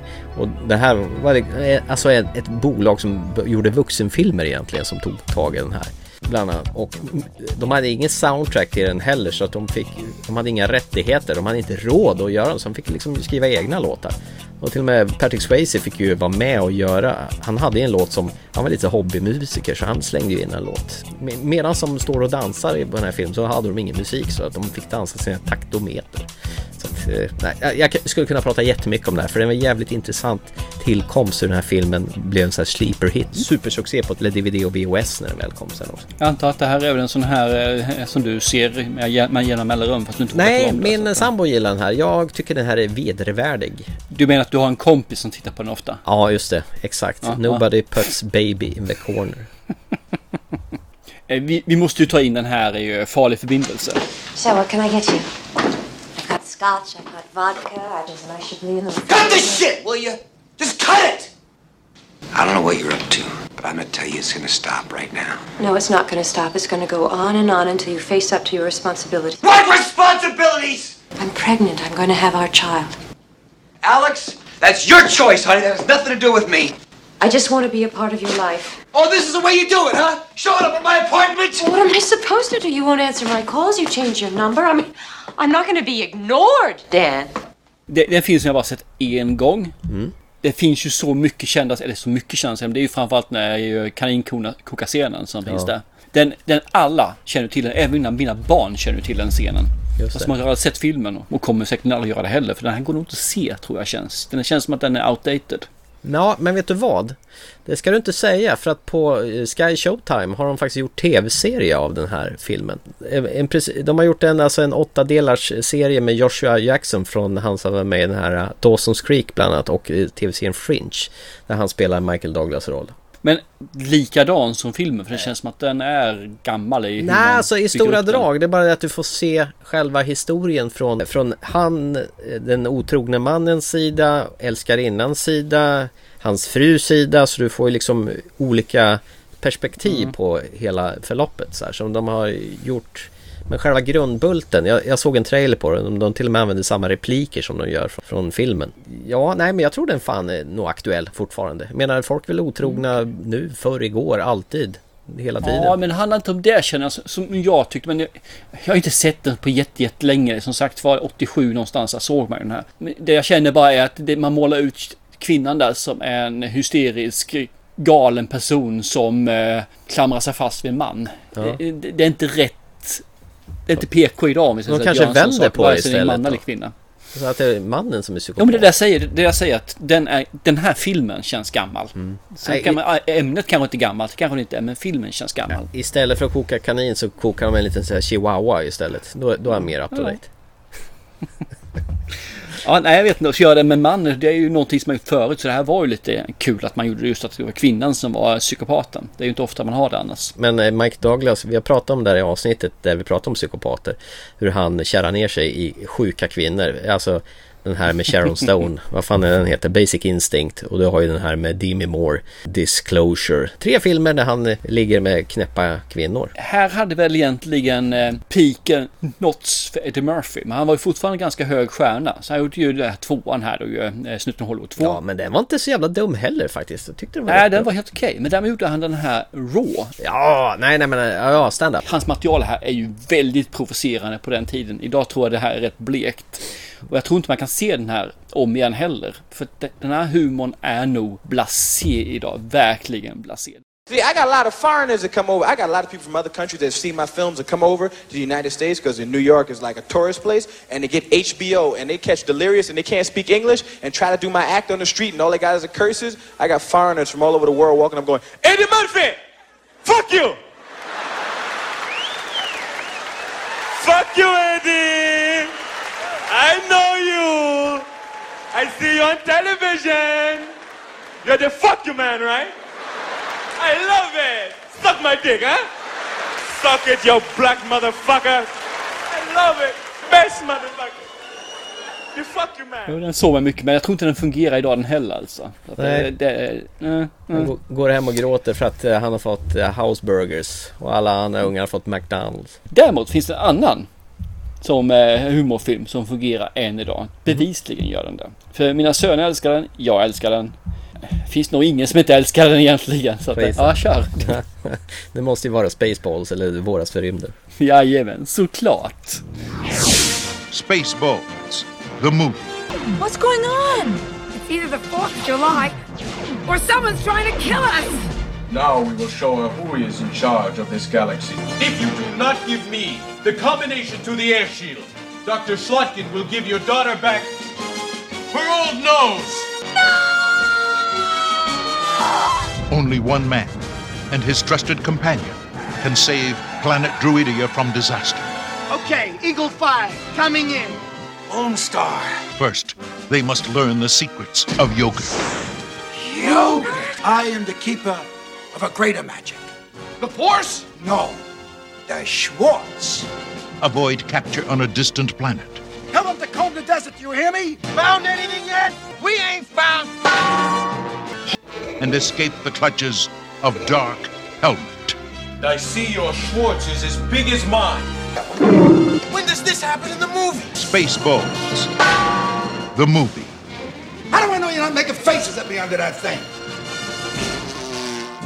And may the Schwartz be with you! Den här filmen funkar för alla generationer. Den är barnslig för de lägre och den, fin- den är barnslig för mig också givetvis. Men det finns även en verbala humorn för oss som är vuxna. Den här är superbra så den är alltså. Ja, Jag älskar den. Den är nog det bästa han har gjort. Det är tacksamt att göra parodi på Star Wars och Apornas planet och Aliens och allt vad det nu är, rymdfilmer överhuvudtaget. Allt precis. ja, just den här alien-sekvensen är skitkul är den ju. Ja, då har de ju faktiskt tagit in han John Hurt. Alltså original, Ja. han som får chestburst. Not again! Ja, bara oh shit! Och så börjar den här alien steppdansa på slutet. med, med så här, komplett med halmhatt och käpp. Ja, den är jättebra. Så det finns så mycket så det finns här. Du kan sagt se den på Amazon Prime om du blir sugen att se på den igen förresten. Ja, okej. Ja, jag har den hemma på, på skiva också. Så att, Jaha, du har den till och med så. Och den är inte inplastad ska jag tala om. Den är väl, väl använd. Om den nu fungerar fortfarande så den är verkligen använd. Du får köra sån här rengöringsvätska och sen polera med Ja. mjuk mikrofiberduk så kanske det går.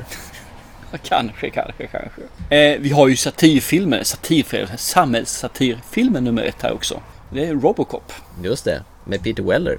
Den här är ju också riktigt förbaskat bra alltså. Mm. Den här ligger i samma nivå som eh, Starship Troopers tycker jag. Paul Verhoeven, han var duktig på att göra samhällskritiska filmer. Riktigt förbaskat bra. Han har något sånt inslag i alla sina filmer vad jag vet, mer eller mindre. Ja, kanske han har ja. Ja, förutom den här Showgirls också som handlar om strippor. Det, det var ju bara en jävla snuskfantasi från hans sida. Okej, den har inte jag sett faktiskt. Nej, det behöver du inte göra heller. En riktigt rackig jävla... Nej, usch. Det, det, det var bara snusgubbig.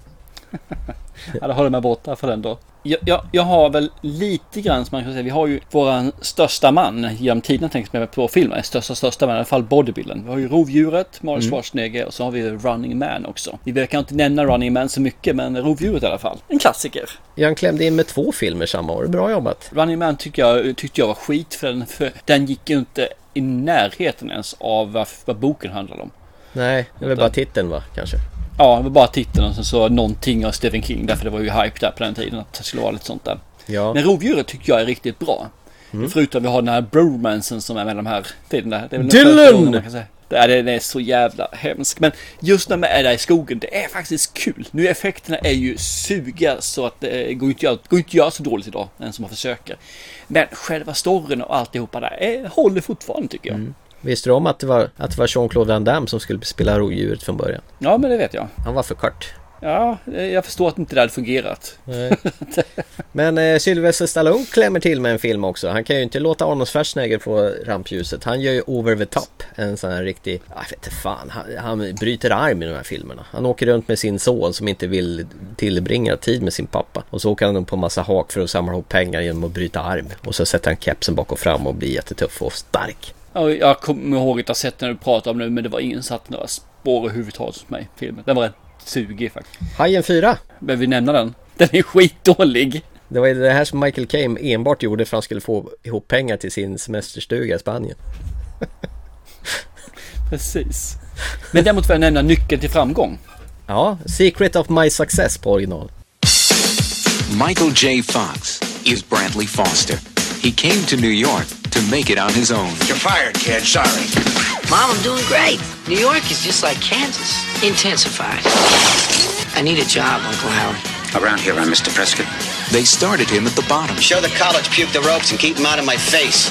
but he had a secret way of starting at the top. This is Carlton Whitfield. Carlton Whitfield? Well, I didn't hire any Carlton Whitfield. There's something going on around here, Foster. He was trying to stay one jump ahead of everyone else.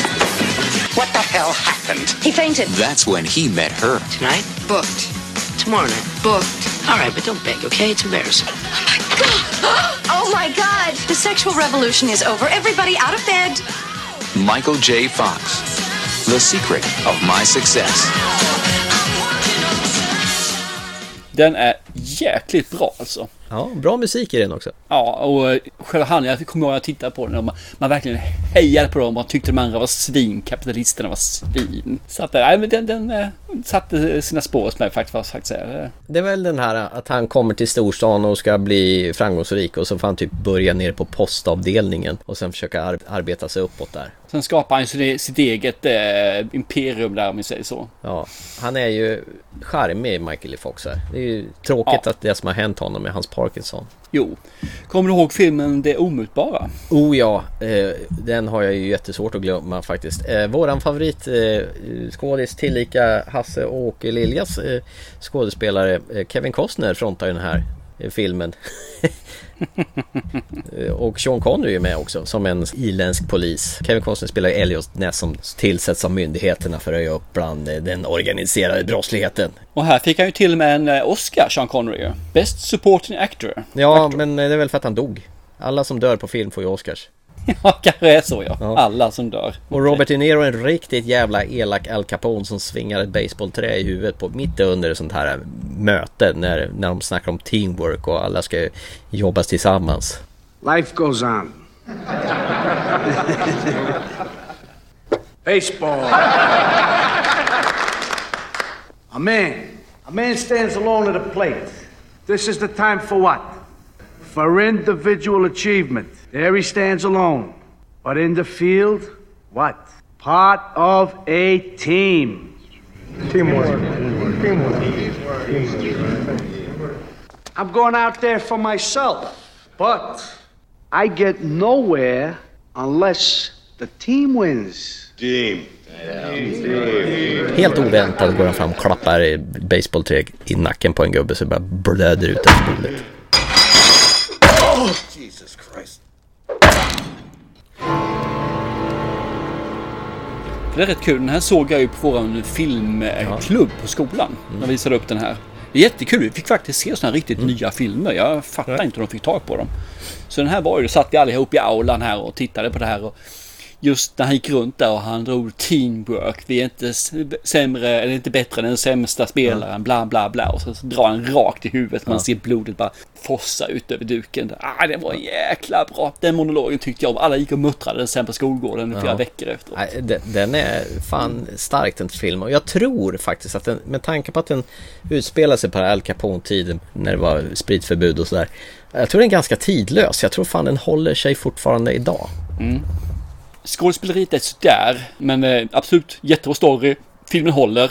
Det gör den definitivt. Jag har sett Ja. den för inte så länge sedan faktiskt. Den Ja, nej, men det är en sån där jag kan återkomma till då och då faktiskt. Mm. Nej, jag, samma sak här. När vi ändå pratar om sånt. det- Jo, det är lite kul att säga bara, bara som en kuriosa just Al Capone. Mm.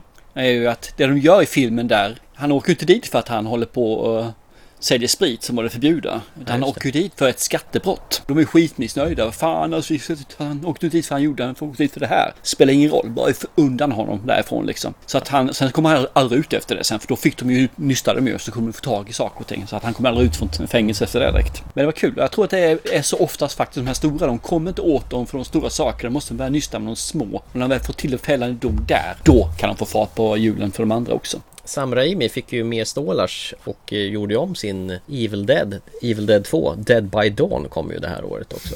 Tyckte inte den var bättre faktiskt. Jag tyckte det skilde inte så jäkla mycket mellan de filmerna. Ja, det kändes ju så, som första eh, tio minuterna i en så här repris på första filmen, typ som en recap ungefär. Och, och sen fortsätter den ju på annat vis. Men eh, jag tycker nog faktiskt första är bättre ändå, för det, det var mer kanske... Mer hjärta i den ja. Och jag vet inte fan ärligt talat om Sam Raimi var så jävla sugen på att göra den här faktiskt. Utan det här blev ett så här, okej, branschen kräver verkligen att jag ska göra det här. Så han tänkte väl, låt gå då, språngbräda till något annat kanske. Men å andra sidan, han gick ju tillbaka och gjorde Ash vs, eh, vad heter den? Army of Darkness. Som kom lite senare som mer var en komedi snarare. När han kommer tillbaka till forntiden där. Den var ju kul. Ja, den är. Fast det var ju ingen skräckfilm, det var ju bara en äventyrsfilm. Ja men precis, det var ju som en, en god äventyrsfilm när han ska leta efter Necromonicon. De här skeletten var ju... effekterna för den var ju Ja, alltså- inte de bästa vi säger så. Nej, inte fast, på den tiden. men det spelar ingen roll utan den, den var gjord med hjärta och humor faktiskt. Ja då. Vi har ju en riktigt känd film vi inte kan gå ifrån här också. Det är ju Wall Street. From the director of Platoon, Wall Street. What makes you tick, bud? Money is the sex of the 80s. Now you do good, you get perks. Lots and lots of perks. Just the beginning, pal. Every dream has a price. He's using you, kid, but you're too blind to see it. You went after Gecko with the same vengeance you went after me. Look in the mirror. I'm looking. And I sure don't like what I see. Wall Street, rated R. Starts Friday, December 11th at theaters everywhere. Du nämnde ju Michael Douglas som är pappa till Emilio Estevez. Exakt. Men han tar ju däremot in, eh, vad heter det, Emil Westerves brorsa och lär upp honom, alltså Charlie Sheen. Mm. Som ska träna upp honom. Och det är rätt kul, jag såg om den här filmen för inte så jävla länge sedan. Vilka, vilka sådana gamla telefoner de har. Sådana vita bakelittelefon med skitlång till så bilantenn. Men ändå var de mobila.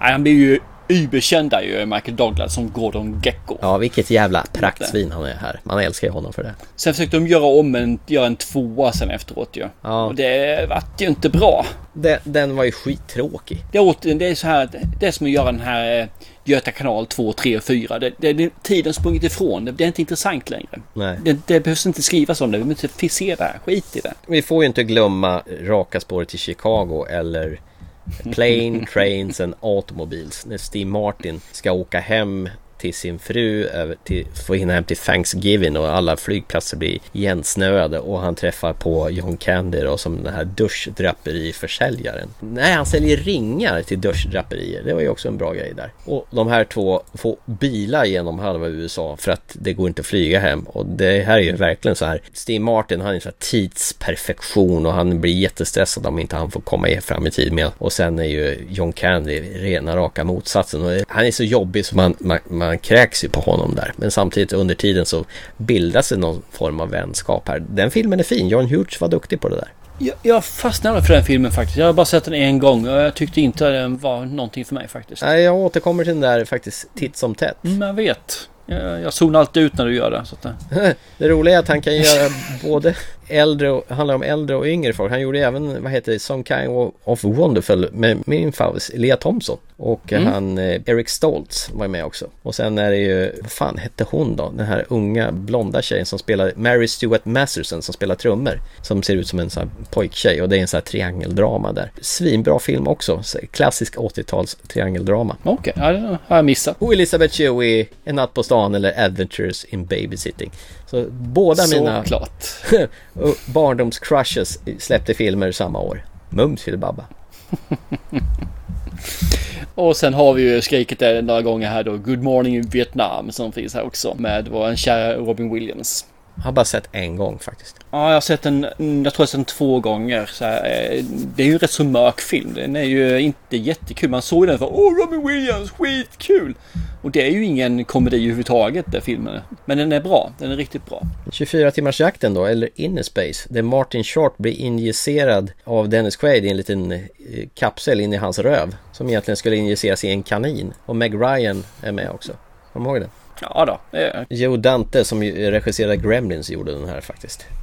Eh, jag är ganska nöjd med filmerna nu faktiskt känner jag. Jag har tagit med dem jag vill, vill ha med. Så, så ska vi göra som vi alltid brukar göra.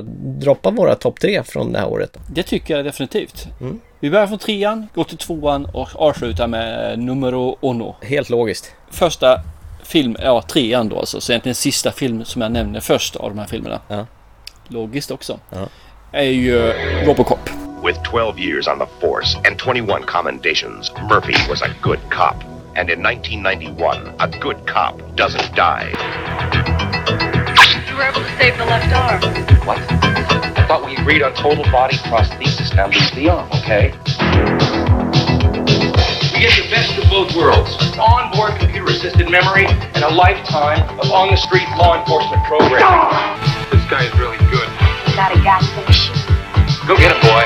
Thank you. You better back up, pal! Your move, creep. He's got killers! I give up. I'm not arresting you anymore. Taking it kind of personal, aren't you? Robocop, the future of law enforcement. Rated R. Utan tvekan. Den här när man såg den gick där. Vi fick, fick nog se den på bio tror jag. Eller man fick se den här när den kom på video. Jag är osäker. Den är ju hur jävla tuff som helst. Vi har ju en robot till det första. Med människa. Det har all, alla pojkar i den här åldern vill ju vara det här alltså. Man vill ju vara en robot som kunde skjuta. Framförallt den här pistolen som hade, jag vet inte hur många skott han hade i magasinet, men det var säkert 2,3 miljoner. Sa du när han smattrade iväg. ja, precis. Tre skott hela tiden. Ja. ja. Och så gjorde han den där coola snurren innan han stoppar ner, vad heter pistolen i benet. Exakt. Thank you for cooperation. Ja. Good night. Den här scenen när han har kidnappat en tjej och så hotar skjuta och han skjuter henne mellan benen. Och, och träffar ju honom mellan benen Ja, han istället. träffar honom på pillevicken. Ja, jag var lite mer eh, subtil. Så jag var. Eh, den, den scenen kommer jag också ihåg liksom. Det var ju supercoolt, häftigt, mm. underbart. Så att den här filmen går upp där. Jag har sett om den här filmen för inte så länge sedan faktiskt. Jag tror jag såg om den i samband med när här eh, remaken kom. Ja, med Joel Kinnaman. 17, 15 någonstans där. Den håller fortfarande den här. Alltså den, den är bra. Effekterna, ja visserligen inte så jävla bra om man säger så. Hans eh, som ska vara plåt är ju kartonger som rasslar runt där som världens bästa. Men Ja. filmen är bra och man ser olika saker då och nu när man såg den. Så superfilm. Nummer tre för mig. Eh, då tar vi min nummer tre då. Det är faktiskt Lethal Weapon, eller Dödligt Vapen som den hette. Raj, meet your new partner. If these two cops can stand each other, Oh, I keep getting into trouble around you.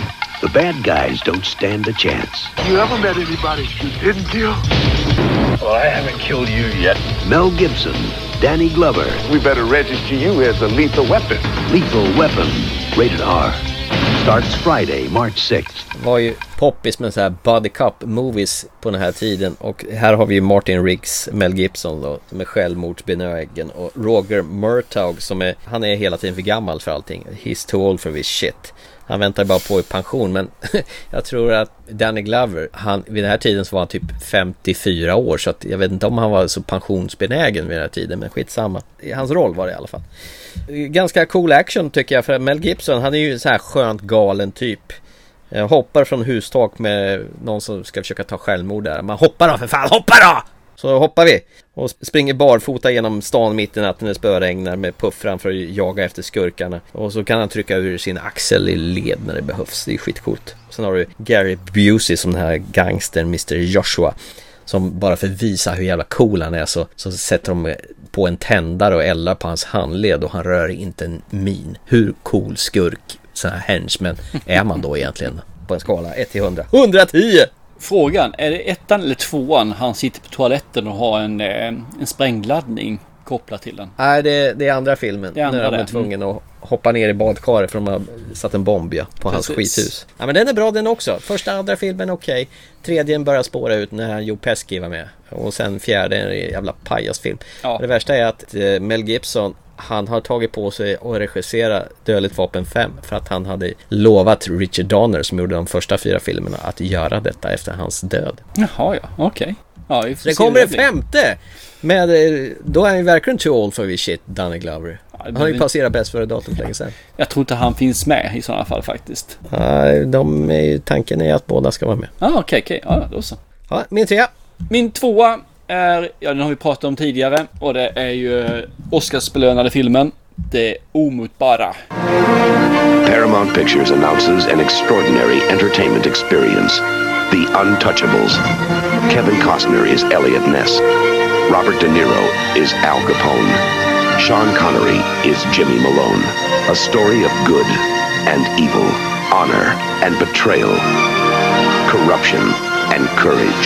The Untouchables, directed by Brian De Palma. Rated R. Opens Wednesday, June 3rd at a theater near you. Oh, du håller den så högt. Ja, det tycker jag. Därför jag har sett om den här för inte så länge sedan. Och som jag säger, skådespeleriet har kanske åldrats lite grann. Men jag tycker den är förbaskat bra. Det här, Kevin Costner gör ju ett riktigt bra vad heter skådespeleri här. Hur han gör det. Jag tycker det är så fantastiskt när de säger nu ska ju det här spritförbudet hävas. Vad ska du göra då för någonting? Ja, ska väl ta mig en drink. Robert De Niro gör en av sina bästa filmer, eller den bästa karaktärer tycker jag. Vi har Andy Garcia här med som är med. Det här är ju liksom, ah, han är ju fruktansvärt bra. Ah, Jag fattar liksom inte hur de får till det. Det här är skitbra sådär. Den håller än idag, trots att den då är 40 år gammal nästan, alltså är 35 i alla fall då. Det är inte många filmer som gör det. Därför ska den här upp på listan. Det här den gav mig när jag såg den första gången. Den eh, wow-känslan. Visst blev du ledsen när de mular eh, Sean Connerys polis? Ja, när jag såg den första gången blev jag det. Men inte sen faktiskt. Då var det rätt åt han, den jäveln. inte rätt åt han. Men det fungerade bra i den, i den att, att det gjordes på det viset. Jag tycker det bästa är när, när Elliot Ness kastar skurken ut från hustaket när han säger du kan inte arrestera mig, jag kommer komma ut i alla fall. Och man slänger ner på gatan istället. Det tycker är jävla bra. Vad han säger Sean Connery också. Typiskt italienare. Komma till en, komma med kniv, kniv till en pistolfight. Och så blir han skjuten av en k-pist. Och den här vitklädda gangstern. Jag skulle fan också kunna sätta upp den här på topp tre listan jag tänker efter. Fan, får jag bygga om min lista? Du har en sånt avsnitt där du ändrar hela tiden alltså. Jag är bipolär deluxe idag, eller vad heter det? När man ändrar sig. Min tvåa det är faktiskt eh, Predator, eh, rovdjuret, grovskuret. Whatever it is out there, it killed Hopper, and now it wants us. Nothing like it has ever been on Earth before. She says the jungle, it just came alive and took him. It kills for pleasure. He was skinned alive! It hunts for sport. It's killing us one at a time. But this time, If it bleeds, we can kill it. it's picked the wrong man to hunt. Arnold Schwarzenegger, Predator, rated R. The hunt begins Friday, June 12th at theaters everywhere. Fantastisk film. Har du sett den på länge? När kan det här vara? Jag kanske såg den eh, för något år sedan. Det, när jag såg att det kom en sån här deluxe-utgåva på, på Blu-ray tror jag kunde låta bli och inte köpa den då. såklart, såklart, såklart. Det är John McTiernan. Han, är, han har ju, hade ju en streak där och gjorde jävligt bra filmer. Han gjorde den här, sen gjorde han ju Die Hard några år senare. Och båda är ju fan mästerliga filmer. Och det, det bästa med den här filmen, att, att den börjar ju som du sa tidigare som en sån här testosteronfylld film. Med så här skitcoola soldater som kommer i helikoptrar och Schwarzenegger kommer in där och, och så träffar han ju han Dylan! You son of a bitch! What's the matter? The CIA got you pushing too many pencils? Huh? Had enough? Make it easy on yourself, Dutch.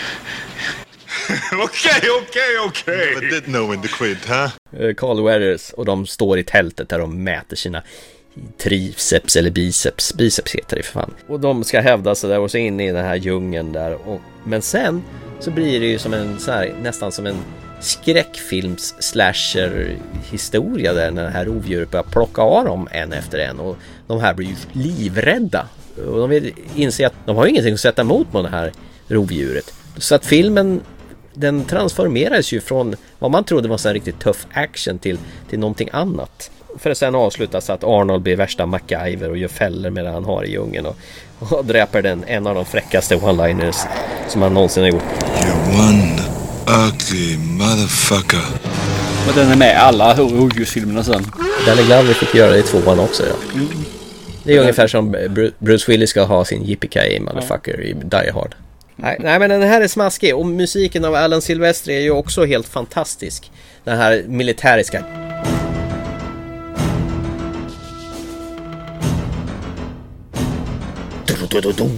Och det låter som en sån här krigsmarsch i början. De landar med helikoptrarna och sådär. Så poppar de sån här Good Golly Miss Molly med Fats Domino eller om det är Little Richard när de flyger in. Eh, skitskön film.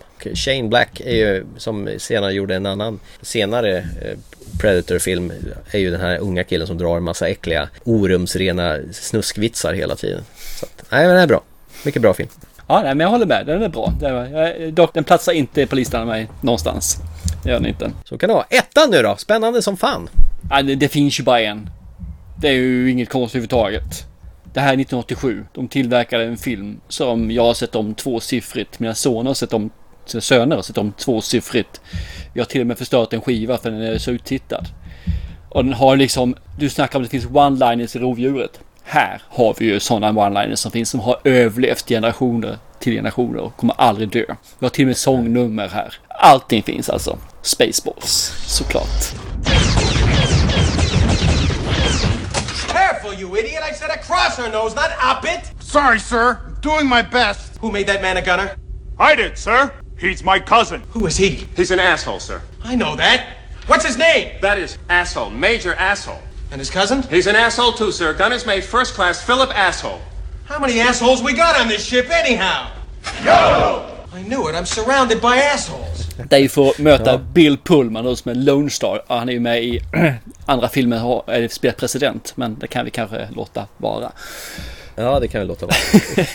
och så John Candy som Barf här liksom. Han är, vad han, jag kommer ihåg om han är Mound eller vad han är för någon, eller Hound Han eller är half man, half dog. Han är mag. Ja, just. Och så har vi den här eh, androiden ju som är CP-frio fast nu heter den Dot istället då ju. Dot Matrix. Och jag, jag tycker det här är bra alltså. Det här är så förbaskat. Bara, bara en sån här sak. Ge mig koden så jag kan suga i luften hos er. Och koden är 1, 1, 2, 2, 3, 3, 4, 4. Bara en idiot kan jag ha en sån här kod. Åh, oh, det är samma som jag har på min väska. Mm -hmm det. Ja, det är så jävla bra sådär. De skjuter och missar i Stormtroops, de skjuter och missar allting tills de då lyckas träffa den här locken på prinsess Vespa. Och hon bara hugger tag där och mular ner varenda jävel där liksom. Man bara wow, good shooting. Det låter som att jag ska se om den här för den här är jätterolig den här filmen. Ja, det är i alla fall min etta och den här är... Ja, egentligen så har man också sett den här både etta och tvåa egentligen. Men den får vara enbart på etta då, för att jag är lite snäll. Nej men jag sätter The Future of Law Enforcement på nummer ett. Det är ju inget annat att snacka om. Paul Verhovens samhällskritiska film där OCP har tagit över polisen i Robocop då. I bet you think you're pretty smart, huh? Think you can outsmart a bullet? What do you say we find out, huh? I'm talking to you! What do you say? Huh? Huh? I'm talking to you! Drop it! Dead or alive, you are coming with me. I know you. You're dead. We killed you! We killed you! Jag, jag, jag tycker den här är fan perfekt. Alltså Peter Weller, han är ju sån jävla snygg karl som spelar Alex Murphy där som blir mulad i partiklar. Det Clarence Boddicker, Kurtwood Smith som bru brukar spela en vanlig, normalt sett en trevlig, härlig pappa i den här The 70s show bland annat. Ja, trevlig vet inte fan om man är, men okej. Okay. Nej, men, andra, men där är han väl trevlig? I nej, den serien? nej, han är ju skitelak. Okej, okay. ja, pappan då i den här Döda Poeters Sällskap det är han väl... Nej, det är han inte heller. Nej. Det är en jävla svin. Men... nej, nej, nej, nej, nej, give a man a hand! Och så skjuter de sönder hans hand i partiklar. Och mm. De kastar ut sina gangsterkamrater och inser att de inte behöver dem längre och kastar ut dem från flyende i skåpbilen till bilen efter. Can you fly Bobby?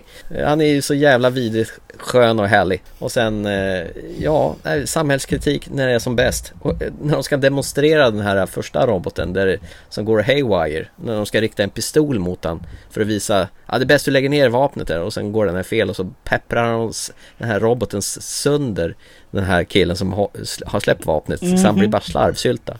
Det var förresten bortklippt ur den svenska versionen så man fick inte se lika mycket där. Ultravåld och härlig. Nej, helt fantastiskt. Och Dick Jones, alltså Ronnie Cox, som högsta hönset på OCP.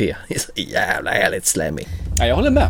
Dead or Alive, Come With Me. Och, ja, det är fylld med sådana här klockrena scener. Han som det hamnar i syrabad och blir utsmetad över vindrutan på de här skurkbilen. Han bara sätter på vindrutetorkarna för att få bort hans kladd. Det roliga är ju att när du ser den här när de håller på att koppla upp honom så får man ju komma ja. med att de håller på att fira jul och de håller på liksom så här klipp hur att tiden går, visar upp att tiden har gått. Den här scenerna finns mer eller mindre med i en kortfilm som heter A Living Soul. Som du skulle ha sett fast Aha. du inte ville se för du hade en massa bortförklaringar. Ja just det, där hörde talas om att jag har glömt bort ja. Som ja. jag kastade bort ur minnet och aldrig mer kommer komma ihåg igen. Den handlar ju om samma sak fast då stannade man ju i att det är en hjärna då istället bara. Bra film det också så den ska du faktiskt se ja. någon gång tycker jag. Men jag håller med, det här är en riktigt bra film alltså. Den, den, är, den är gammal när det gäller teknik. Men själva filmen är faktiskt top notch fortfarande. Och den är ju säkert högaktuell i alla tidsåldrar. För ja. jag menar det här med att allt ska privatiseras och eh, förbättras och sparas pengar för att du ska inte behöva ha poliser ute på gatan. Utan och man... tjäna pengar framförallt. Du ska tjäna pengar. Och de här roliga tv-inslagen som är hela tiden. Som Paul Verhoeven gärna klipper in i sina filmer. Som han även gjorde i Starship Troopers är ju mm. helt underbara.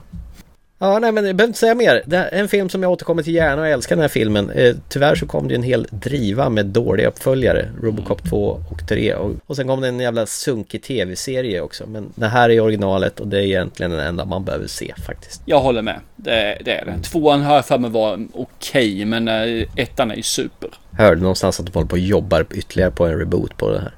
Ja, det behövs liksom inte. Ja men det var det. Jag, jag tyckte att eh, 1987 var ett smällfullt år med mycket bra film. Vad säger du? Du som brukar ställa de här åren som vi har pratat om vägg mot vägg. Hur står sig 87 mot tidigare år? Ja, jag brukar alltid säga det ju vad, eh, om, om det håller bästa filmåret. 1986 var ju det jag satte som bästa förut. Ja, förra året alltså vi pratade om då. Mm, precis. Eller förra gången vi pratade om Det är med. De. Så du hade rätt i båda avseendena där faktiskt. Det, det är en jämn kamp känner jag här faktiskt. Men det var jävligt bra film 86. Det var många filmer som var bra. Det är fruktansvärt många filmer här också. Uh, ah. men, det, men, men, men Spaceballs är här. Ja, absolut. 87 Okej. får, får ta dela pinnen i halsen. Så man kan säga så här, oh shit, Spaceball, where goes the planet? 87. Bästa filmåret genom tiderna hittills. Och nästa filmår blir 1988. Då får vi se hur det håller sig. Det här blir ju jättespännande faktiskt. Jag vet i alla fall en film som jag totalt älskar från 1988. Men det kan vi återkomma till i framtiden när vi väl gör, återbesöker Blast from the Past nästa gång. Suveränt. Ehm, jag är jättenöjd. Jag med, jag är också jättenöjd. Men jag ska välja någonting till nästa gång. Ja, du menar så också? Ah, Mm. Okej. Du trodde väl inte att du skulle komma undan va? Nej, jag trodde väl inte det. Alltså i vårat, det här härliga segmentet när vi återbesöker saker och ting. Jag tänker att vi stannar lite grann i den eh, härad då. Alltså inte att vi sitter och snackar om massa filmer för en viss år utan jag skulle vilja göra en återtiteln faktiskt. Mm, okej. Och det här är en film som jag har velat sett om jättelänge som jag aldrig får arslet ur. Tycka vad man vill om Johnny Depp men han har gjort en hel del goa filmer. Eh, och den här filmen tillsammans med Heather Graham på 1800-talet när de ska jaga Jack the Ripper tycker jag har jag minsann för mig var en riktigt fenomenal hell, liten pärla. Så jag tyckte att vi ska se From Hell från 2001. Ah, okej. From Hell. Ja, absolut. Det har jag bara sett en gång.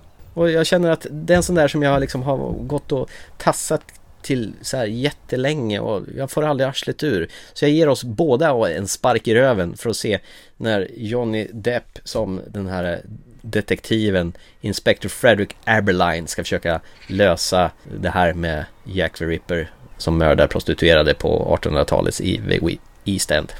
Helt okej. Men den, den har jag för mig var jättebra när man såg den. Så det, det ser jag fram emot. Jag också.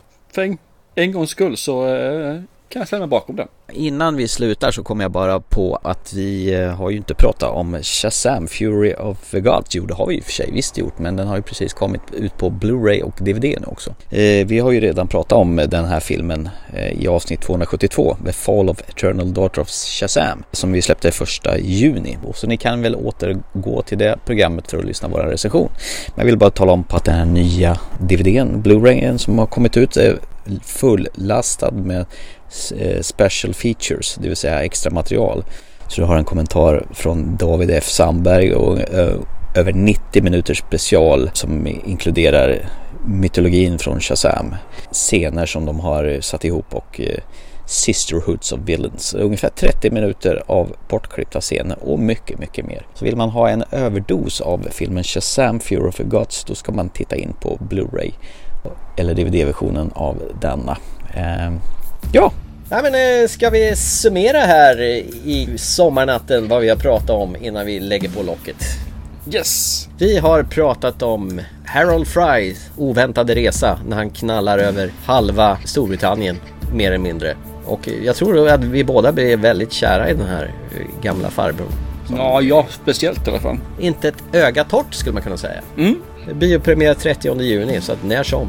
Och sen har vi tittat på Knock at the Cabin som du också är full som pladask för lät det som. Mm, jag är inte så nödbedd som du är. Nej, och jag gjorde en kovändning mitt i diskussionen och sa att det var en medioker film till att det var nog fan en riktigt bra film när allt kommer omkring. När- vi väl såg det på den sidan. Precis. Och diskuterade saken. Och så har vi 1987. Alltså, och, alltså hittills det bästa filmåret i, i retrospektiv så långt som vi har kommit i våran eh, räkning. Yes. Också inte helt dumt.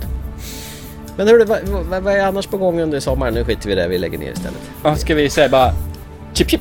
Ja du, eh, vi, vi gör som vi alltid gör innan vi slutar. vi avslutar podden. Det gör vi. Chip chip. Hej på dig!